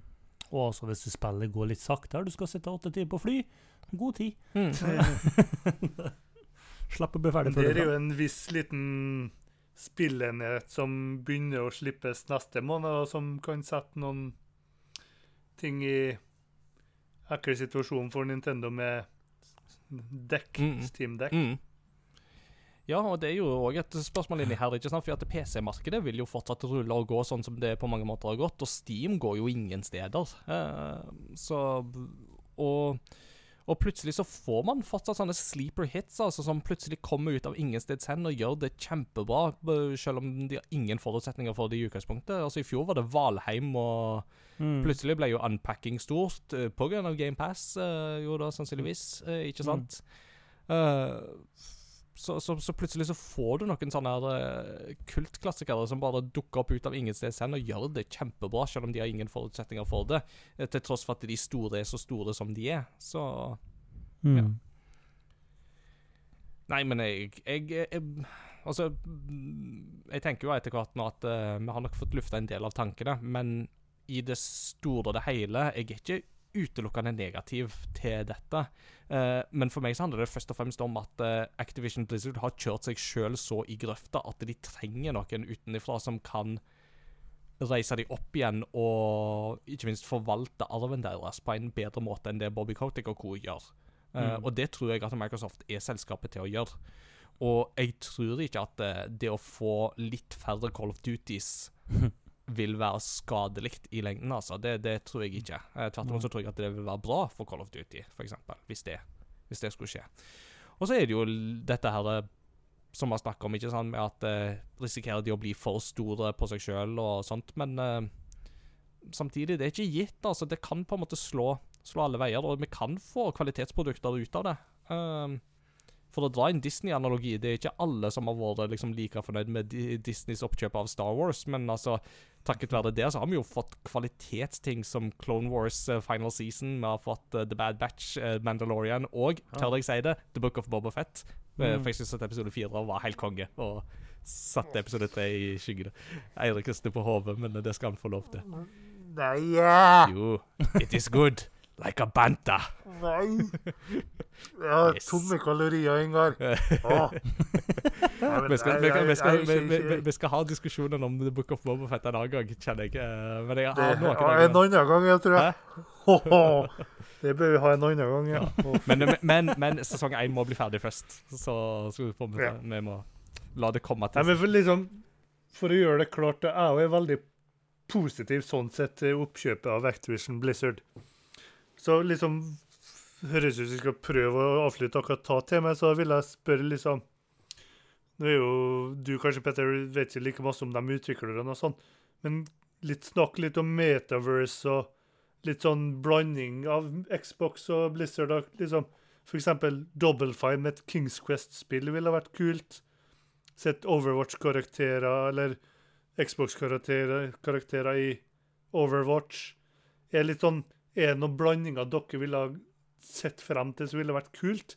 F.eks. at et Xbox-studio overtar Starcraft eller Overwatch-utvikling av det hjelper til. Jeg f.eks. ville gjerne sett noe sånn et Diablo med bølgeteknologien fra Sea of Thieves hjelpe til der, og Mm. Mm. masse sånn. Ja. Er det noe sånn drømmekombinasjon? Har- Kanskje, kanskje vi får Ready Player One i et spill nå, da? Uh. Kanskje det. Nei, men du, jeg, jeg, har det, jeg har det. Vi får en Xbox Battle Royale uh, som da får uh, Doomguy mot Master Chief. Oh, den er juicy. Ingar skal ha de pengene Xbox om noe kommer på. Ja, Ja. Phil, if you're listening, it was my idea all along. Mhm. Nei, men eh, jeg, har ikke, jeg har liksom ikke rukket på en måte tenke så mye på det. Altså Det med tech-utveksling tenker jeg jo er kanskje på en måte den mest juicy biten her, ikke sant? Og som vil gjøre det lettere for studioer å produsere ting på mer effektivt og eh, kanskje billigere vis òg. det er sånn istedenfor at alle må altså, Jeg tror jo fortsatt at eh, ut, forskjellige studio vil utvikle sine ting basert på hva hva de ønsker å lage, men så vil det være lettere for disse studioene da å utveksle den informasjonen med hverandre, istedenfor at alle Mm. må lage sin egen greie. Uh, og jeg tror ikke at Microsoft vil havne i EA-fella, der EA har sagt at ja, nå skal alt lages i Frostbite, enten spillet passer til Frostbite eller ikke. uh, så det er sånn Nei, det Det, det, det, det tror jeg at uh, Spencer og co. er lure nok til å ikke havne i den fella. Mm. Men jeg vet ikke, Vi altså får se hva han velger å gjøre med Xbox Live og Battlenet. da. Ja, Battlenet er jo det mest interessante her, ikke sant? Uh, altså, Xbox Live er jo bare et spørsmål om tid før å bli integrert i hele GamePass-systemet. Uh, tror jo jeg Altså, det er ikke noe vits i å opprettholde Live som et eget separat vesen snart. Altså, det, det føles unaturlig, uh, sånn som uh, ståa er blitt nå. Uh, Battlenet på sin side er jo det mest interessante her. Eh, jeg har ikke noe godt svar på det, altså. Det gjenstår å se. Eh, men vi har jo sett spill emigrere fra Battlenet til andre tjenester før. Altså da Destiny 2 gikk eh, Altså da Bungie ble selvstendige, så gikk jo Destiny 2 ut av Battlenet eh, over på Steam, var det vel. Og da var det jo løsninger for å få det på plass. Så jeg regner jo med at eh, hvis eh, Battlenet blir lagt ned til fordel for at ting skal over i en Xbox-app eller noe sånt på, på, på, på PC, så får de løsninger for det, altså. Det, det, det, vil, det vil gå fint. En lang og god samtale, og her er- vil det nok fortsatt være mange tanker som uh, kunne vært sagt, og som sikkert vil bli kverna ut i de neste ukene òg. Det gjenstår å se. Uh, det er jo ikke gitt at kjøpet blir går igjennom en gang, eller blir godkjent, men uh, vi får se. Vi får se. Eh, jeg tenker vi skal ta en eh, pause nå, og så i del to skal vi få litt sånn oppdateringer på hva vi har spilt, og så skal vi høre hva lytterne ville brukt 600 milliarder kroner til.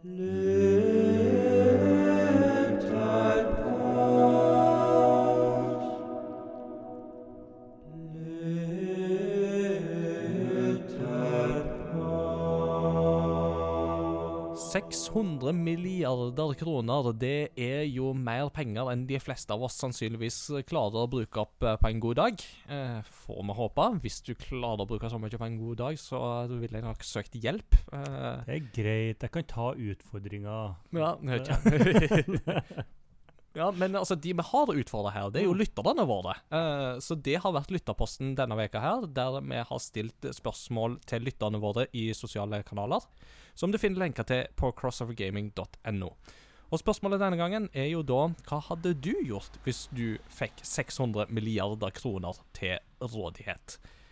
Det er jo eh, ganske, ganske mye penger, eh, og det er ganske mange gode svar som er kommet inn. Så jeg tenkte jeg skulle begynne med å lese Christer van der sitt svar på Facebook.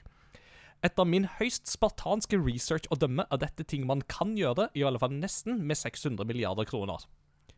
Kjøpe Activision Blizzard. Kjøpe de 30-40 fattigste landene i verden etter samlet BNP å dømme. Lage en versjon av brettspillet Battleship med ekte kampskip. Jeg liker den. Eie, eie alle lagene i NFL. Kjøpe Det hvite hus, Buckingham Palace, Vinterpalasset i St. Petersburg og Det keiserlige palass i Tokyo. Kjøpe Louvre med alt innhold, 400 milliarder. Kjøpe 5000 store private øyer i Karibien. Finnes det i det hele tatt så mange? Kjøpe Bill Gates og en glassmonter med life support og ha-ha-mi. Kanskje du til og med har nok til å utvikle teknologi til å gjøre monteren flyvende, slik som hos The Collector i Marvel-universet. Avhengig av hvor mye man bruker på et av overstående, kan man ha litt lommerusk igjen til følgende. Redde 100 millioner barneliv årlig pga. feilernæring, 25 milliarder årlig i fire år.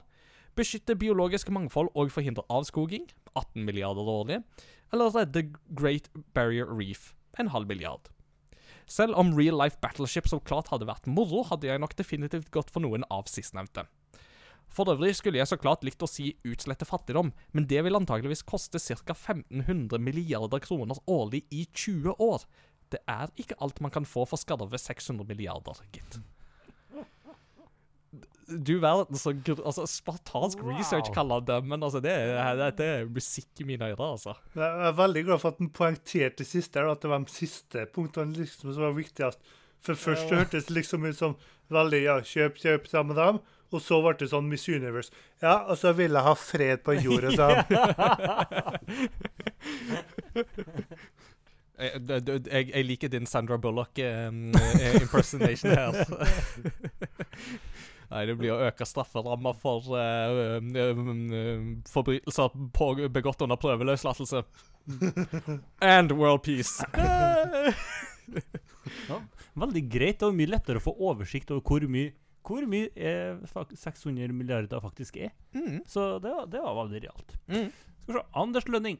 Jeg hadde startet et spillstudio i Haugesund med fokus på å tiltrekke talenter som kan være med på å fostre opp unge, lovende talenter, slik at de ikke blir presset inn i et yrkesløp de ikke brenner for.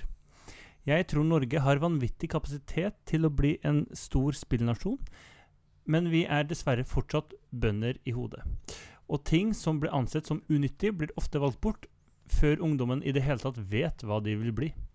Mm. Resten hadde jeg investert i sosiale tiltak for å gi den så ofte uglesette, sikkert, Mm. eh, vanskeligstilte ungdommen den oppfølgingen de trenger. Enten det er å tilby det tilby de et hjem hjemmefra, en ungdomsklubb som faktisk er åpen og tilgjengelig hver dag, og satt opp et fond, slik som Sigrun sier, for norske spillprosjekter, utdanning, nerderelatert aktiviteter for ungdom. Mm. Det er jo et eh, stort og viktig eh, arbeid. Han uh, syns Anders Lønning skal få tre, 600 milliarder. Det høres veldig bra ut. Der. Ja, det var slett ikke dumt. Og han, eh, han refererer jo til Sigrun sin, så da tenkte jeg at jeg skulle lese den. Mm. Eh, for Sigrun skriver jo da eh, en veldig veldig fin en her, syns jeg. Øverst på prioriteringslista mi hadde jo vært å gi så mange milliarder i støtte til Crossover Gaming som mulig. Prikk, prikk, prikk, prikk, prikk. Det har vært Det har ikke mangla på sucking up i er Så sykt! Men, men, men, men det, det, det setter vi veldig pris på, for at, vi måtte jo erkjenne etter forrige forrige episode at uh, for, på grunn av lydkvaliteten var litt sånn ymse. At det var sånn Ja, vi gjør så godt vi kan, og, men det, det, av og til så strekker ikke verken ressursene eller overskuddet til, så det hadde vært godt med litt, sånn, litt ekstra hjelp eller litt bedre utstyr. Og da er folk bare sånn Ja, nå skal vi, med 600 milliarder så skal vi gi masse. Kurs i lyd. Kurs i lyd til Ja. Ingar. Det, la, la det være notert. Kremt, eh, fortsetter Sigrun. Etter å ha gjort mitt beste forsøk på å få lest opp denne lytterposten, vil jeg gjerne snakke om noe som jeg faktisk føler er en god investering i Norge i dag.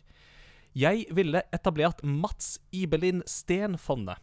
Et fond som gir støtte til norske spillprosjekter, spillutdanning i Norge, data- og spillutstyr på skoler rundt omkring i landet, og sist, men ikke minst, sosiale, inkluderende og oppbyggende tiltak med spill for ungdom i Norge. Og bare det konseptet å kalle dette her opp etter Mats Steen, eh, eller Ibelin, som han jo òg var kalt, eh, som jo NRK skrev så rørende vakkert om, og som virkelig åpna så mange øyne for hva gaming kan bety for folk. Det, det, det konseptet i seg sjøl er verdt 600 milliarder kroner, syns jeg. Det var helt nydelig vakkert. Skal vi se. Sakseid. Først tiende til menigheten. Se for meg ansiktsuttrykket til regnskaps, eh, regnskapsansvarlig som får inn 60 milliarder i kollekten. Det,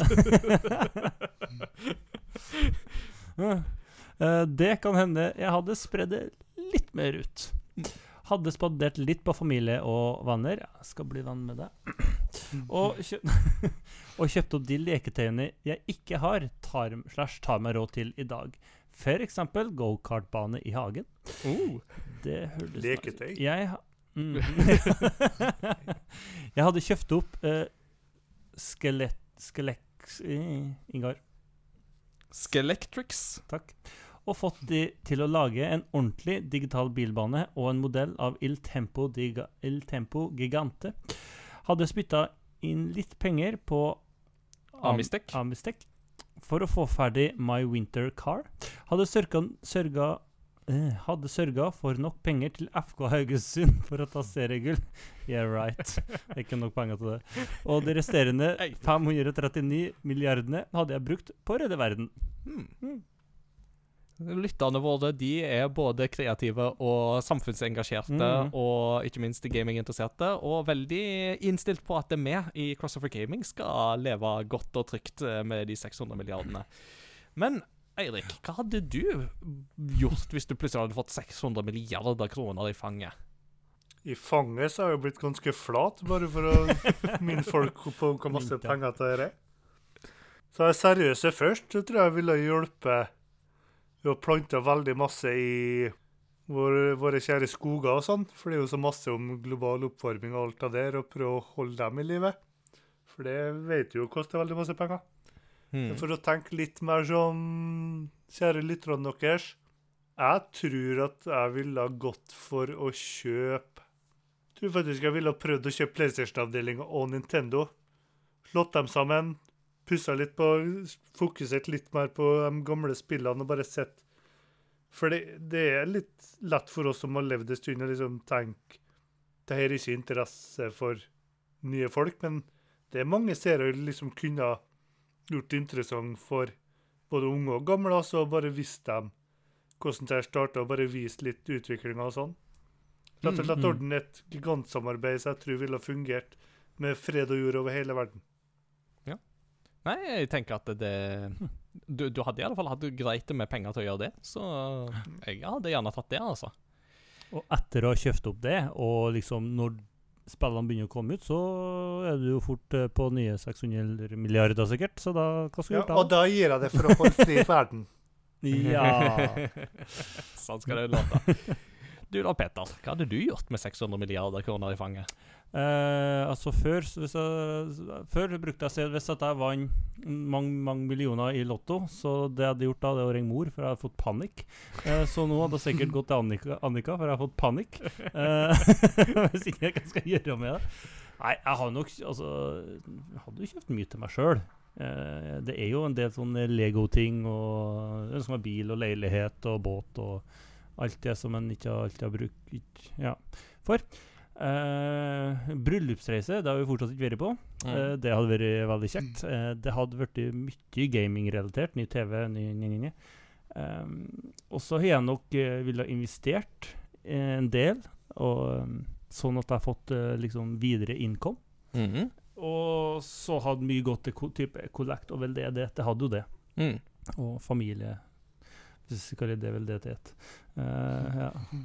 Ja. Det, my, det, blir my, det blir veldig mye forskjellig, men det er så igjen, det er så absurd tall at uh, nå hadde jeg sikkert brukt opp en halv prosent Mm. etter den regla der, liksom. Ikke sant. Uh, så da Ja. Eh, ikke sant. Nei, altså, for min del Jeg, jeg tipper jeg hadde satt av eh, Hvis jeg hadde satt av 100 millioner til meg sjøl, bare sånn Da lever jeg godt resten av livet, liksom. Det, altså, hører du det, Bobby Kotick? Du trenger ikke mer enn det for å leve godt resten av livet. Altså, Du trenger ikke det engang for å leve godt resten av livet. Uh, men altså, med 100 millioner eh, liksom, til meg sjøl, så kunne jeg ha liksom, kjøpt, kjøpt hus uh, både i Norge og i Japan. Uh, Mm. og, men altså, ellers bygd skikkelig gamingrom og gjort noen litt sånne retroinvesteringer og sånt, sannsynligvis. Men ellers kanskje på en måte prøvd å bare la det holde og gå resten av livet og, og sånt. Kanskje jeg hadde, hadde brukt litt av den der summen på å oppfylle den der drømmen med å bygge sånn uh, Arkade slash gamingkafé slash Mm. spillbutikk i Oslo. uh, Ja. Som jeg jo har hatt en drøm om. Hadde vært veldig gøy. Hadde avtalt med Atlas i Japan å bygge kafeen sånn at det ser ut som kafeen i Persona 5. Hmm. Eh, Uh. jeg skulle ha stått bak desken og laga japansk curry sjøl. Det skulle jeg ha gjort med pensjonstilværelsen. Men ja, altså, ellers så ville nok en del av dette her gått med til en del av disse her sakene som jeg brenner veldig for. Altså det være seg klima. Jeg hadde nok investert ganske mye penger i å få etablert et godt, uh, god satsing på thoriumkraftverk i Norge. Eh, hva skal vi leve av etter oljen? Svaret er Mm. thorium, enkelt og greit. Og det hadde jo for så vidt vært en god inntektskilde framover òg, for så vidt. Hvis jeg hadde vært på investorsida der. Uh, Sikre skolegang til en rekke barn, eh, og særlig jenter, rundt omkring i verden. Det tror jeg, Mm. tror jeg det er en kjempeviktig, kjempeviktig sak. Eh, og sist, men ikke minst, jeg har jo allerede nevnt det med at jeg ville utrydde NFT-er. Uh, alt dets eh, gjerninger og alt dets vesen. Uh, fordi det fører ingenting godt med seg. Uh, Blockchain-teknologi kan brukes til mangt og godt og bra mye, men NFT-er er ikke en av de. Uh, og ikke minst, jeg hadde spytta i masse research for å få laga en ekte Ironman-rustning. Oh. Og den skal jeg ha! Dag én. altså, naturlig nok, vi skal ha noen til å teste den først, før jeg hopper inn igjen. Men eh, sk- skulle akkurat si at ja, mens du gjør det, kan jeg arve pengene etterpå når du dør. Det er jo det som kommer til å skje, hvis at du skal fly rundt i den. Så ja, det er mange, mye godt man kan gjøre med 600 milliarder kroner. Det er mye Mm. sprøtt du kan gjøre med 600 milliarder, eh, og noe seriøst og useriøst, men eh, jeg tror at Jeg har trua på at mange av oss hadde nok forhåpentligvis eh, klart å benytte det på en god måte, samtidig som det hadde, det hadde vært lov å unna seg sjøl litt òg. Det, det, det hadde det.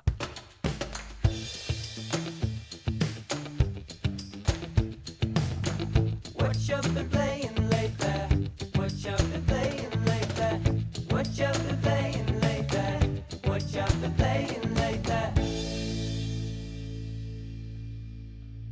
Da skal vi inn i denne her Hva du har spilt-seksjonen. Og nå er det jo bare gått ei uke siden du og meg spilte inn forrige episode, Peter. Ja. Så det er ikke sikkert at du og meg har så veldig mye å berette. Men det er litt flere uker siden vi hadde Eirik med. Mhm. Og det kan jo hende at uh, en stille og rolig desember og januar har gitt litt rom for uh, litt um, sletting av backlog. Så um, Eirik, hva har du spilt siden sist? Det har vært en del backlog, men det har vært litt Hoppa inn i spill pga. å ha ført veldig masse godt om dem òg, for liksom desember er jo årets spillkåring og masse sånn. Mm. Så liksom for å ta dem som betraktes som back backlog, så har det vært Bugsnacks, Medieval, Fist, Forge and Shadow, Shadow Torch heter det vel. Horizon Zero Dawn, The Frozen Wilds-utvidelsen. Uh. Så har det òg vært uh, The Forgotten City, som jeg synes ble glemt i årets spillkåringer. Liksom, Men ikke i vår. Nei, det er bra. Mm. Liksom har hørt her de andre gamewriterne og så Ja, men det er jo bare en Skyrim-mod. Det er litt som da jeg sier ja, og Titanfall er bare en Half-Life-mod, for det samme motoren og litt sånn. Mm. Det blir- Det blir så dumt. For det er liksom For liksom å ta Forgotten, The Forgotten City, altså er Nå ble jo Returnal mitt favorittspill i fjor. Men jeg synes liksom Det er så interessant at til tross for å være såpass få utviklere og et såpass lite spill, så har de faktisk klart å ta og lage det eh, en av mest realistiske tidssyklusspillene. For liksom både filmer og alt det her, så er alltid de er så forsiktige. Nei, vi kan ikke si at vi er fra fremtiden og sånn. Vi kan ikke ha noe bånd å bevise det på. Liksom The Forgotten City, liksom. Er litt liten spoiler, liksom. En av de første personene du kan møte på, liksom, kan du si med en gang liksom Jeg kommer fra fremtiden, jeg vet hva bla, bla, bla, du skal si. Kan du hjelpe meg til å gjøre, gjøre det her og det her og det der? Mm. Og så er det artig for meg som er interessert i ulike mytologier og sånn, å se blandingene av det. Og liksom, Det er så artig hjernetrim, rett og slett. Mm. Så jeg har storkost meg. Mhm. Det er jo et fas kjempefascinerende spill. Og som du sier, det at det kommer fra et, et studio på tre stykk, er jo desto mer imponerende. Så Det er vilt. det, er- mm. Nei, det hadde det ikke vært for det, Eirik, så hadde jo Returnals blitt mitt årets spill òg i fjor. eh, Men uh, den gang ei. Ja. Uh, nei, men artig, artig. Uh, Peter, -hmm. hva sitter du med for tida? Eh, litt av det vanlige Warzone. Eh, har sysla bitte litt med The Forgotten City òg, siden sist. Mm. Men så begynte jeg å spille Ori and the Blind Forest. Åh Eh, og har bare drukna helt i det spillet. Det er så deilig. Og det er, det er ikke Det er ikke ofte at du har spilt i Ja, under en time og bare sånn Det her skal jeg 100% på. Det skal vi, ja. Ja da. Mm. og det eh, Nei, så jeg drukna helt i det, bokstavelig talt til tider òg. Ja. Eh, og syns det er Altså, det er så lekkert! Å, fytti katta! Altså Bare det å se, altså, se på det spillet. Mm. Eh, fargebruken, eh, grafikken Det er så deilig, rett og slett. Mm. En en fryd for øyet, også musikken. Du starter med å altså Du kjører opp spillet, og så sitter du og bare nytes musikken før du i det hele tatt kan begynne å spille, fordi det Mm. Åh. Gareth Coker er Ja, ja, virkelig en mester. Ja, helt, helt fenomenal. Og det at han har gått videre til å komponere musikken i Halo Infinite, er jo veldig sånn interessant, men jeg syns det funka veldig bra, jeg. Det er en faktisk. artig overgang. Ja. Uh, nei, så jeg eh, Det er sånn som at, at vet, du tenker på spill, og, og det må du få spilt, og så går du og tenker på det lenge og lenge og lenge. Og lenge Og nå, jeg nå er jeg sånn delt uh, lykkelig over at jeg nå kan få spille for første gang nå, for da er det jo sånn Å, det er digg. Mm. Uh, samtidig er jeg jo en idiot som ikke spilte før. Eh, Hva du går glipp av! Ja. Jeg, jeg sier ingenting på at det har tatt deg så lang tid. Jeg sier ja. bare 'velkommen etter', Mm, eh, og nyt, nyt dette. Og jeg, jeg, jeg er der at begge Ori-spillene er ti av ti spill for meg. Mm. Uh, Ja, ja, det blir rett på nest... Jeg har ikke hatt tid. Nei, det, du skal vel på Eh, tur. ja. Men du får det på Switch. Får det, oh, det gjør det samme. Uh, Det er, ikke, nei, det er jo ikke en like liksom, magisk opplevelse, Ah. men vet du hva? Det er imponerende at de faktisk får de spillene til å kjøre så bra på Switch som Mm. de gjør. De kjører overraskende bra. mm. Så Nei, så det er Det er helt uh, magisk opplevelse, rett og slett. Så det, det er jo ukas spill, så elevene mine må jo spille òg, enten de vil eller ikke. Så det er bare, hygg, bare hyggelig. Nei, så det Det er veldig deilig å øh, være gamer øh, for tida. Det er et av spillene hvor jeg har sagt at nå Annika, du må, nå skal bare sitte og se på. eh, For det her, det er digg. Eh, Mm. Og hun driver og maler, så hun vet jo hva fin kunst er. ja. Eh, Det, det, det, det som jo er ekstra interessant med Ori-spillene, er jo at de er jo laga ut ifra på en måte remote work. Altså, De sitter jo forskjellige steder i verden. Altså, De satt Ja. forskjellige steder i verden og lagde disse spillene. Så lenge før det ble normen for veldig veldig mange, så hadde jo Moon Studio dette her gått inne og har bevist at eh, vi kan fint få det til å funke. mm. Uh, så det er jo kjempefascinerende, Kult. syns jo jeg, da. Mm. Nei, um, heldig du, skulle jeg si. Eh, Men altså, det, det er ikke synd på meg. Jeg har spilt ferdig Yakuza 4 remastered. Det har jeg nå blitt ferdig med. Og det var en vesentlig bedre opplevelse enn Yakuza 3 remastered, som jeg jo opplevde som veldig mangelfull, både med tanke på selve remasteringa og med tanke på innholdet, altså grunnpakken som lå til grunn. Uh, Yakuza 4 har en bedre historie, bedre characters, uh, bedre miljø, uh, bedre aktiviteter. Flyten i hele mekanikken er bedre, og bare selve oppussingsarbeidet òg er skarpere og bedre gjennomført i Yakuza 4 enn i Yakuza 3. Så det, men altså, det er jo ikke gjort sånn ekstremt mye med det. Vi snakker liksom ikke Mass Effect Legendary Edition-nivå, men fortsatt så Altså, det, Yakuza 4 er ikke et stort problem å gå tilbake og spille takket være denne remasteren, syns jeg. Uh, og faktisk så syns jeg at Yakuza 4 leverer den beste Yakuza-opplevelsen jeg har hatt etter Yakuza 0. Så det er veldig tydelig på en måte Altså Med Yakuza 4 så er det veldig tydelig at nå har de begynt å lære en god del. Um, Mm. Det skal jo sies at de har jo med et par veldig dyktige stemmeskuespillere som jeg har veldig sansen for. Eh, blant annet så har de jo med eh, han som er stemmen til Spike Spiegel i Cowboy Bebop, eh, som jo er en av mine favoritter på den mannlige sida. Og på den kvinnelige sida så har de jo med Hirano Aya, som er en veldig kjent kvinnelig stemmeskuespiller. Har blant annet vært i serier som Fairytale, Lucky Star, uh, The Melancholy of Haruhi Suzumiya, som jo var hennes gjennombruddsserie. Uh, if you know, if you're in the know, you're in the know, for å si det sånn. Peter ser så stort spørsmålstegn, men Det eh, er ikke bare øynene går i kryss når du ser kommer med navnet. Er Ja. sånn, så, så, så, så, det. sånn kan det gå. Men uh, like I said, if you're in the know, you're in the know. Um, så um, nå blir det nok et liten pause med Yakuza-prosjektet, fordi at nå neste uke så kommer jo Pokémon og litt sånt, så jeg skal nok ikke på en måte gå rett på Yakuza 5 med en gang. Jeg trenger nok en liten pause uansett.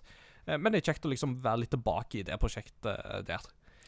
Eh, for The Game Reactor så har jeg spilt og anmeldt The Company Man på Switch, som er et lite indiespill som kom ut i fjor på PC, og som nå er ute på konsoller. Det er vel utvikla av et malaysisk selskap, fant jeg ut. Så det er jo litt spennende. Og det er basically et plattformspill der em, du er en sånn kontorarbeider som eh, begynner din første dag på jobben, og så går ting skeis, og da blir du degradert til liksom det verste tenkelige i hele bransjen kundeservice. og så må du derfor så må du kjempe deg oppover i etasjene for å komme til den store, stygge CEO-en. Jeg har kalt han for Bobby K. Uh, og så, ja. Eh, Så istedenfor å liksom ha sverd eller pistol, så har du her et tastatur som du bruker til å slå folk i hodet med, eh, og så skyter du e-mailer på folk. Eh, Hvis du skal ha god spread, så må du selvsagt bruke eh, send to all-funksjonen. og, og det er egentlig der på en måte The Company Man skinner. Det er i humoren. Altså, det har veldig bra sånn kontorhumor. Litt sånn Litt sånn som Lunsj, altså tegneserien Lunch eller The Office. Altså, hvis du har på en måte vært litt i et kontorlandskap, så kjenner du deg litt igjen her. Men med en gang det, den humoren avtar, så har ikke det spillet så veldig mye å stille med. Det er et ganske vanlig plattformspill. Uh, og det fins veldig veldig mange gode plattformspill der ute, og det fins noen kjempegode plattformspill der ute. Og Sammenligna med de, så har ikke The Company Man noe å stille opp med egentlig i lengden. Så det er ikke noe direkte feil med det, syns jeg. Mm. Altså, men det er bare det at det det, det, det, det, klarer ikke å hevde seg heller. Så ja. Så sånn var det. det spilt gjennom, og men helt greit å ha gjort det. Og det er liksom det jeg har gjort i løpet av denne veka her, og så blir det vel eh, Så blir det jo et nytt prosjekt framover, som jeg kanskje kan snakke litt mer om om et par ukers tid. Og så blir det jo etter hvert Pokémon. Eh, og jeg fant ut, i forhold til den diskusjonen vi hadde forrige gang, om det er Arceus eller Arceus, så sa jeg feil. Det skal være Arceus.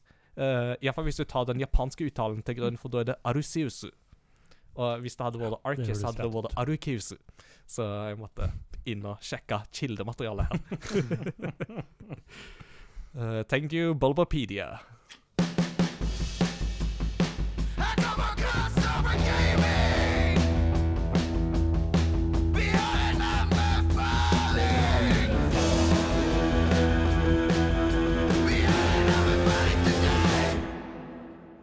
Helt til slutt nå så skal vi kjøre på med anbefaling, kuriositet og postludium. Og vi begynner med anbefaling. Og da, Eirik, eh, du nevnte en anbefaling som du hadde lyst til å komme med, som jeg syns er litt eh, artig.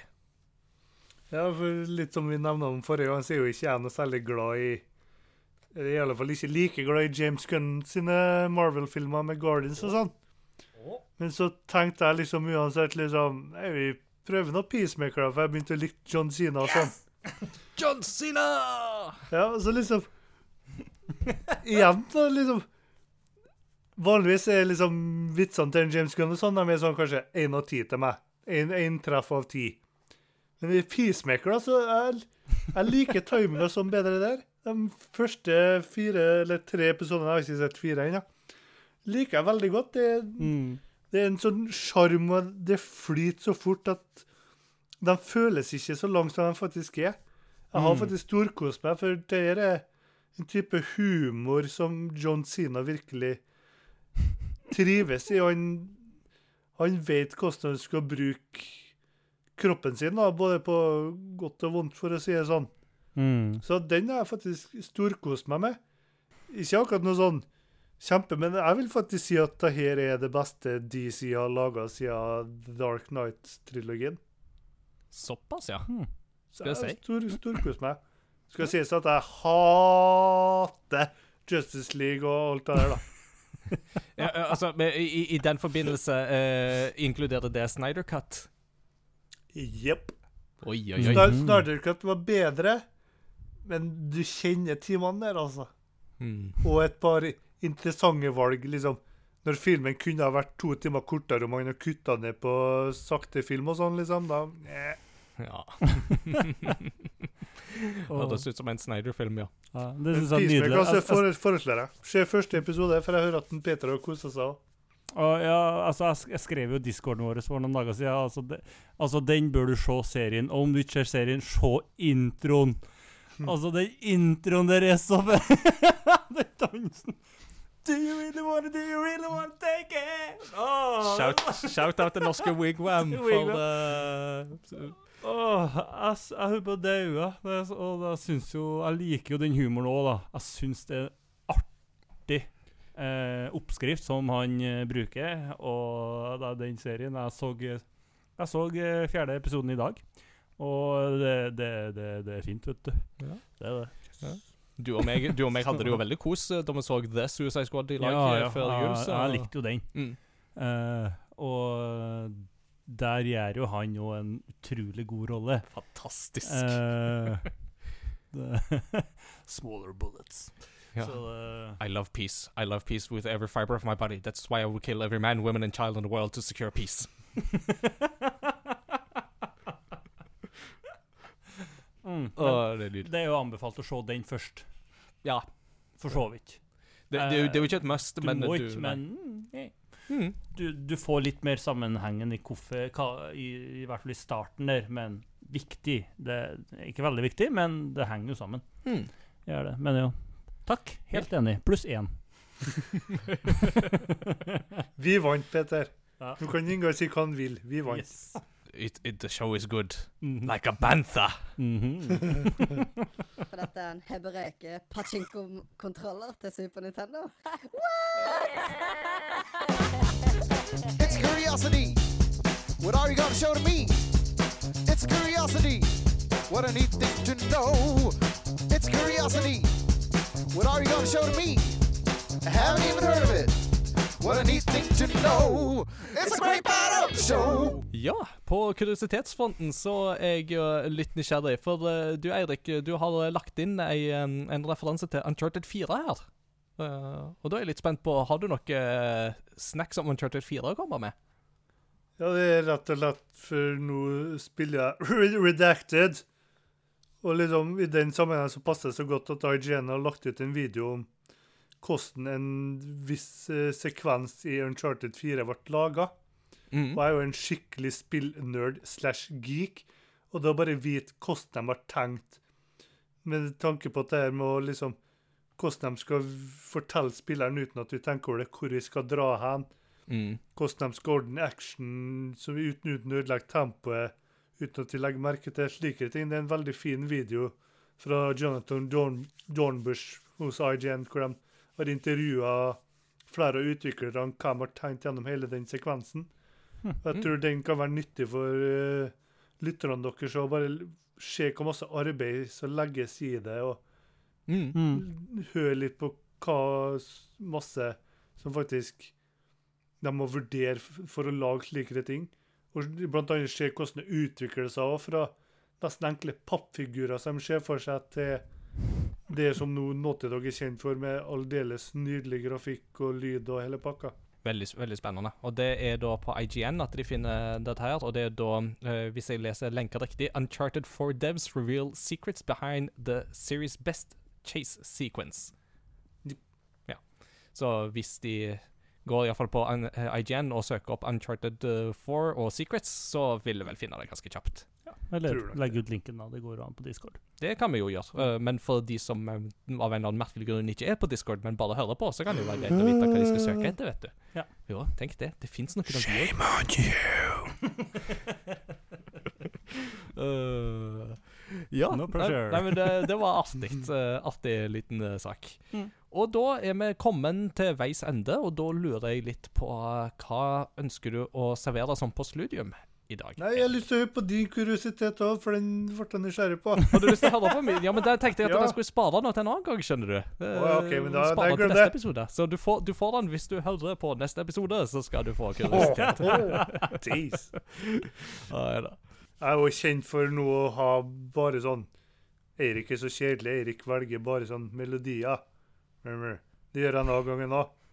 For Det, det blir wigwam. Jeg, jeg, jeg, tror, jeg tror ingen har sagt det, men uh, det er helt greit. blir blir ikke Wigwam. Sorry, Petter, men ah. det får, får bli nok med James Gunn og gjengen. In, in my dreams. Mm. Takk for meg.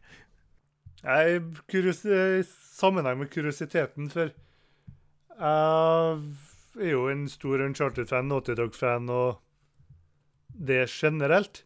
Mm. Så når jeg nå da kanskje spille noen Uncharted-spill, som dere får høre om her neste uke, så kunne vi jo starte jo Uncharted 4 med det jeg mener er en aldeles nydelig sang.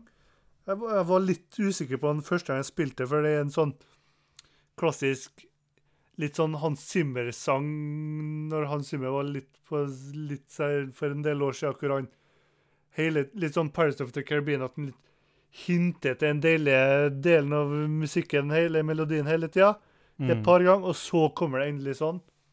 Så liksom Jackman sin tolkning av Greg Edmundsen sin sang fra de første Uncharted-spillene, den er deilig. Så liksom er Uncharted 4 A Thieves End heter sangen òg. Mm. Yeah. Så den tenkte jeg vi kunne avslutte med, for den synes jeg har en flott oppbygning og en nydelig tone. Og jeg håper liksom at det er den sangen som brukes når jeg håper at Uncharted 5 blir avduka, for det er så flott oppbygning. Så er det litt mystikk, og så kommer det virkelig hva det er for noe. Mm. Mm. Oh, det er, jeg, jeg bare får chills bare av å tenke på den, for det, den er så nydelig, den tolkninga. Eh, fabelaktig. Åh, nå fikk jeg lyst til å spille Uncharted 4 igjen. Uh, Gyllen anledning nå snart. Mhm, Det er mhm. ikke lenge til. Åh. Kanskje jeg må bryne meg på PC-versjonen denne gangen. Det hadde vært gøy. Ja, men Da må vi vente litt lenger, for den kommer dessverre ikke på fredag. Nei, gjør han ikke det? Ah, nei, altså. Fine, I'll make my own Uncharted game with blackjack. Eh, eh, det skal jeg ikke gjøre, eh, men eh, derimot så skal jeg ønske dere takk for at dere hørte på. Um, helt avslutningsvis så tenkte jeg bare at jeg skulle nevne, fordi at eh, noen av lytterne syns det er litt eh, kjekt, at um, nå er vi jo òg i gang med Retrospellauget igjen. Som er dette her, um, denne retrogruppa som vi holder på med i Discord-serveren vår. Og nå er neste spill ut, det er Super Metroid på Super Nintendo. Som også er tilgjengelig på Switch online. Så for de som har lyst til å være med, eller eventuelt bare har lyst til å forberede seg til episoden vi kommer til å spille inn om noen uker om Super Metroid, så er det bare å slenge seg på der. Det, det må dere gjerne gjøre. Det syns vi er bare kjekt og trivelig. Eirik, tusen takk for at du var med på denne debrifinga etter tidenes spillnyhet. Det, var, det tror jeg vi hadde godt av alle tre. Ja. Tusen takk for at jeg fikk komme på igjen. Alltid Ja. hyggelig. Ja, er bare, bare kjekt, vet du. Eh, for dere som hører på, følg oss på Facebook og Discord og heil, alt som kan krype og gå av uh, medier. Uh, Peter, du får ha god tur, hvor enn det nå blir. Eh, Takk, tror jeg. Ja. Vi får se. Plutselig sitter jeg her om 14 dager. ja, det, det, er Peter der, eller No ikke? offense, men jeg håper ikke. Det, det blir sånn fin oppfølgerspalte. Du ser sånn Har Mats Jakob fått internett, så får vi sånn at Er Peter på utenlandstur? Og eh, svaret er ja eller nei. Vi får se. Takk for nå. Vi snakkes ved neste korsvei. Ha det bra. Ha det.